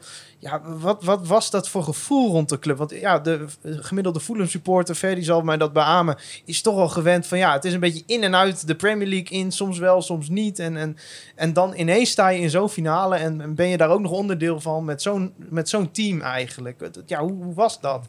ja dus, ik had toen ik bij, bij, bij Fulham eh, heeft, had getekend, dat eh, had ik nooit verwacht dat ik een Europese eh, finale zou spelen. Dat was meer eh, ja, knokken om eh, niet in de championship te beëindigen. Dus, eh, ja, en, en ik wist ook heel goed dat het, dat op die moment was het wel, wist ik ook dat het mijn laatste wedstrijd was voor, Ja. voor, voor Fulham. Omdat ik, oké, nu vind ik wel de juiste tijd om, om, om terug naar Noorwegen te gaan. Eh, ik was wel even in onderhandelingen met de club om een jaar te verlengen, maar we hebben toch besloten dat eh, ja, we moeten er gewoon op dit, op dit moment moeten we wel, terug. Maar, maar wat leuk is dat eh, eerder dat jaar hebben we wel, we, waren de laatste competitiewedstrijd was in het begin van mei. En dan hebben wij natuurlijk, ja, de laatste competitiewedstrijd. Dan kijk je, oké, wanneer kan we, kunnen wij thuis? Hè? Of Ja. wanneer kunnen wij naar, op, op vakantie? Ja. Dan, dan zit je de plannen en zo. En dan zei je, ja, oké, dan, dan twee, drie dagen Oh, daarna, nou, laatste wedstrijd, Ja. gaan we wel eh, lekker op vakantie. Ja. Dan even, even uitrusten en, en met de hele gezin naar eh, Italië toe of zo. En dan, dan kwamen natuurlijk de, de finale dichterbij, hè. Dan, Ja. eh, dan zie je, ja, als we de finale halen, dan moeten we wel de vakantie eh, uitstellen. Ja, je houdt als eh, speler van Fulham ook niet rekening met nee, een nee, Europese nee, finale absoluut natuurlijk. Niet, Nee. Absoluut niet. En dan hebben wij natuurlijk ook... eh, ja, dan moeten wij eh, natuurlijk ook de, de vakantie uitstellen. En Ja. eh, vier dagen, omdat wij de, een Europese finale in, eh, moeten spelen. Dus ja, het was echt... eh, ja, echt, echt geweldig eh, gevoel. Eh, Ja, je verliest de wedstrijd wel.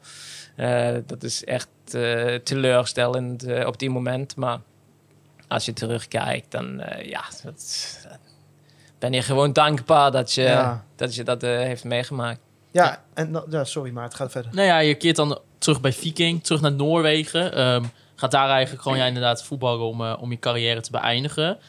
Eh, en dan komt die laatste wedstrijd van je carrière. Waar ook Henk Daan was eh, met een grote groep. Ja. Met een trompet ook? Ja, ja. zeker. Ja, ja, zeker. En, en wat daar eigenlijk ook gebeurt is dat... Hey, je, je vertelde al dat met, met de, je, eigenlijk je, je, je voetbalopa als het ware... Hè, die, die heeft niet kunnen meemaken dat, dat jij het eerste van Viking haalde. Maar je andere opa, die misschien wat minder met voetbal had in eerste instantie... die ziet jou nog wel eh, in voetballen in die laatste wedstrijd. En de dag daarna overlijdt hij ook. Ja. Ja, Ja, ja, dat, dat, dat klopt. Eh, hij, hij was heel erg ziek. Eh, en eh, ja, de, de, de, tijd bij, bij Viking was, eh hadden we wel heel hoge verwachtingen naartoe. En, maar dat, dat, ging helemaal, dat, dat liep helemaal niet lekker. Was, daar had ik juist niet een trainer die, die ik echt goed samen mee kunnen werken. En, eh, dat, dat, dat, dus dat, dat liep niet zoals, eh, zoals het had, had gemoeten en dat dat het plan was. Eh, maar ja, mijn opa was, was heel erg ziek en ehm, had kanker. En hij was. Hij, hij heeft me natuurlijk heel, heel dichtbij gevolgd. En bij, eh, bij, ben bij, eh, hier in Groningen geweest op bezoek en alles. En, en, en hij vond dat heel leuk dat ik een, een, een, een professionele carrière had. En eh, ja, en de, de, hij, hij ligt in zo'n verzorghuis, zeg je dat? Ja. Heel dicht bij het stadion. Dus je praat over 400, 500 meter van het stadion vanaf. En hij kon de, kon de wedstrijd niet kijken. Hij was er niet eh, in, in, in stand om te kijken, maar... eh, hij heeft wel de verpleger wel even de, de raam openmaken, zodat hij de geluid van het stadion kunnen horen. En eh, de dag daarna dan, was, was het op en dan heeft hij, was hij overleden. En, dat was toen, ja, de laatste wedstrijd was Henk de Haan met een stuk of 40, 40 eh, Nederlanders naar Noorwegen gekomen. En ik was natuurlijk in de stad feest vieren met de Nederlanders. En eh, de dag daarna, toen ik wakker was, was hij overleden. Ja. Ja. Eigenlijk lijkt dat, dat, dat jouw opa dan nog voor die laatste dag de kracht vond om, om nog even jouw laatste wedstrijd, als ook al was het niet dan live, om dat wel mee te maken. Ja, heeft mijn vader tegen mij gezegd achteraf eh, dat eh, hij, hij ben van overtuigd eh, als, dat, dat hij het vol heeft gehouden om, om mijn laatste wedstrijd op een of andere manier eh, wel even, even mee te krijgen. Maar ja, dat, dat, dat is natuurlijk, eh, weet ik niet, maar, maar dat, is, eh, dat, dat heeft hij wel gezegd, ja. Ja. En over die periode, als je nu terugkijkt naar je gehele periode al- als profvoetballer, hè, je bent eigenlijk, lezen we ook wel in het boek, altijd wel hetzelfde jongetje geweest.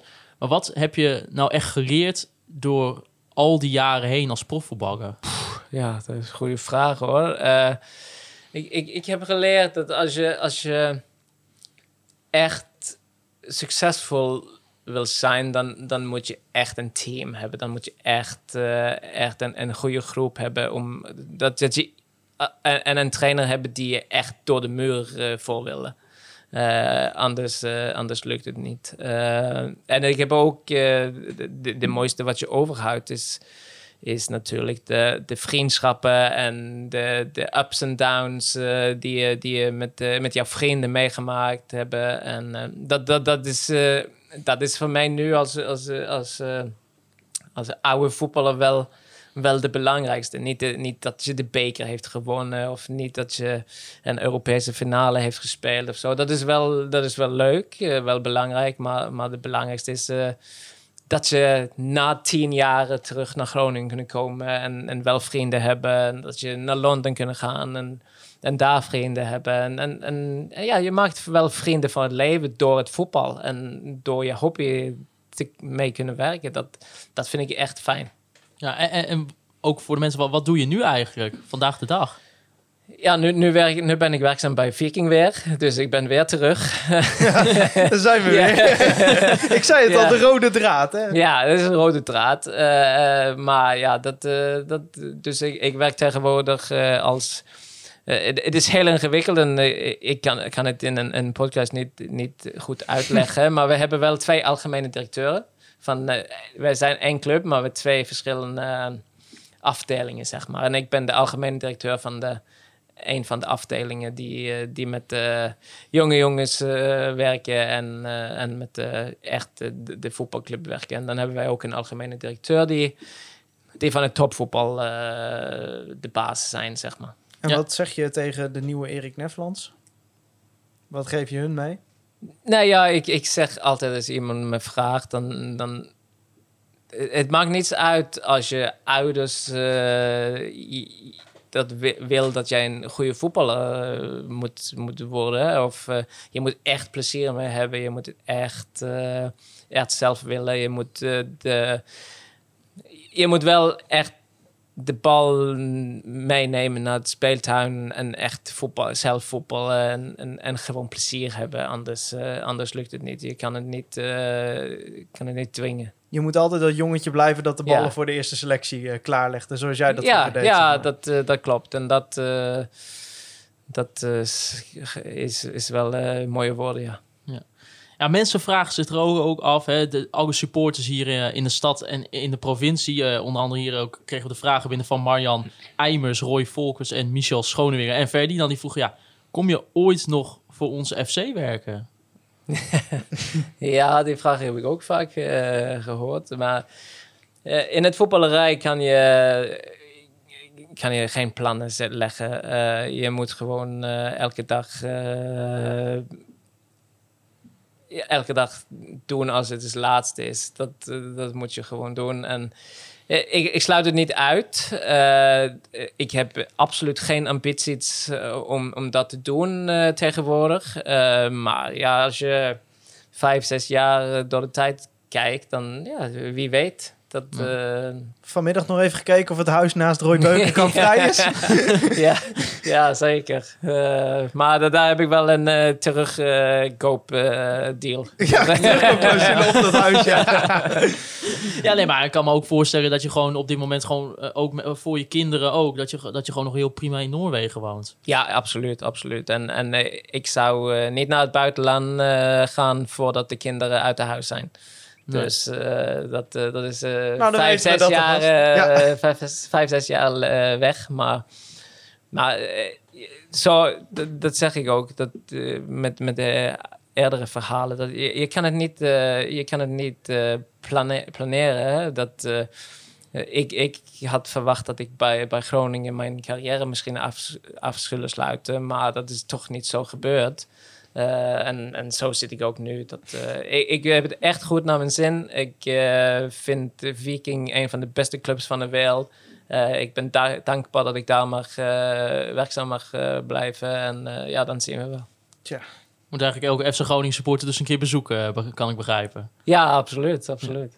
hey, eh Ferdi, het boek van, eh, van Erik Nefland is nou geschreven. Wat wordt het volgende boek? Of is dit een beetje jouw magnum opus? Is, het, is, het, is het dit het hoogtepunt? En, Ja, eh, dus u moet stoppen. ja.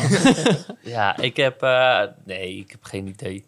Dit, dit is, eh, hier is hiervan genieten, want... eh, ja, zoals we zeiden, erg trots op. Maar eh, ik, ik heb echt geen idee. Ik zal nog wel eens een keer een... eh, ken je Snelle Jelle? Ja. vroeger? ja. Ja, daar lees ik mijn zoontje wel eens voor. En dat, maar dat is echt, dat, dat les ik als kind al.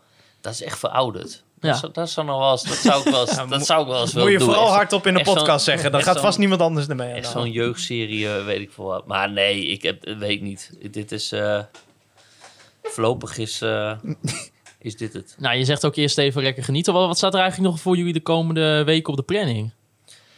Veel. Morgen is eigenlijk... eh, ja, ik weet niet wanneer dit uitgezonden wordt. Eh, dit wordt, dit wordt eh, voor jullie nu morgen uitgezonden. Ja, nou, we zitten hier inmiddels al zo lang. het is al Ja, bijna ja, ja. zover. Maar, eh, Maar we hebben het over de wedstrijd eh, tegen AZ. hè? Ja, dat is eigenlijk is de morgen. lanceringsdag, zeg maar. En eh dan zitten we in een Q&A. Jure is te gast. En eh, Ah. daar is hij. Wouter Gudde en Mark eh die, eh, die, die schuiven aan. Eh, dus echt nog, eh, ja, dat, dat is wel leuk om even te vertellen. Na de wedstrijd eh, zal nog persmoment zijn, dat dat. En dan lokken we hem naar het supporters home. En daar staat een echt een gruwelijke, moeilijke, mooie verrassing te Oh, dat weet hij nog niet. Dat weet oh, dat is goed, niet. joh. Want ik wilde daar bijna over beginnen. Maar ik weet wat de verrassing is. eh, ja, ja, dat is... eh, dat is Zeg het maar. Nee. ja, tegen de tijd dat dit wordt uitgezonden weet je het al, denk ik. Ja, voor de rest zijn er nog drie signeersessies bij eh, amateurclubs. VFV Leek zitten we vrijdag, zaterdag 6 uur Omberlandia ten Boer. Eh, maandagavond LTC Assen. Maandagmiddag zitten we bij Emmingstraat Godert Walter eh, te signeren. Eh, en voor de rest eh, zit hier ramvol gepland met eh, allerlei Ja. interviews en zo.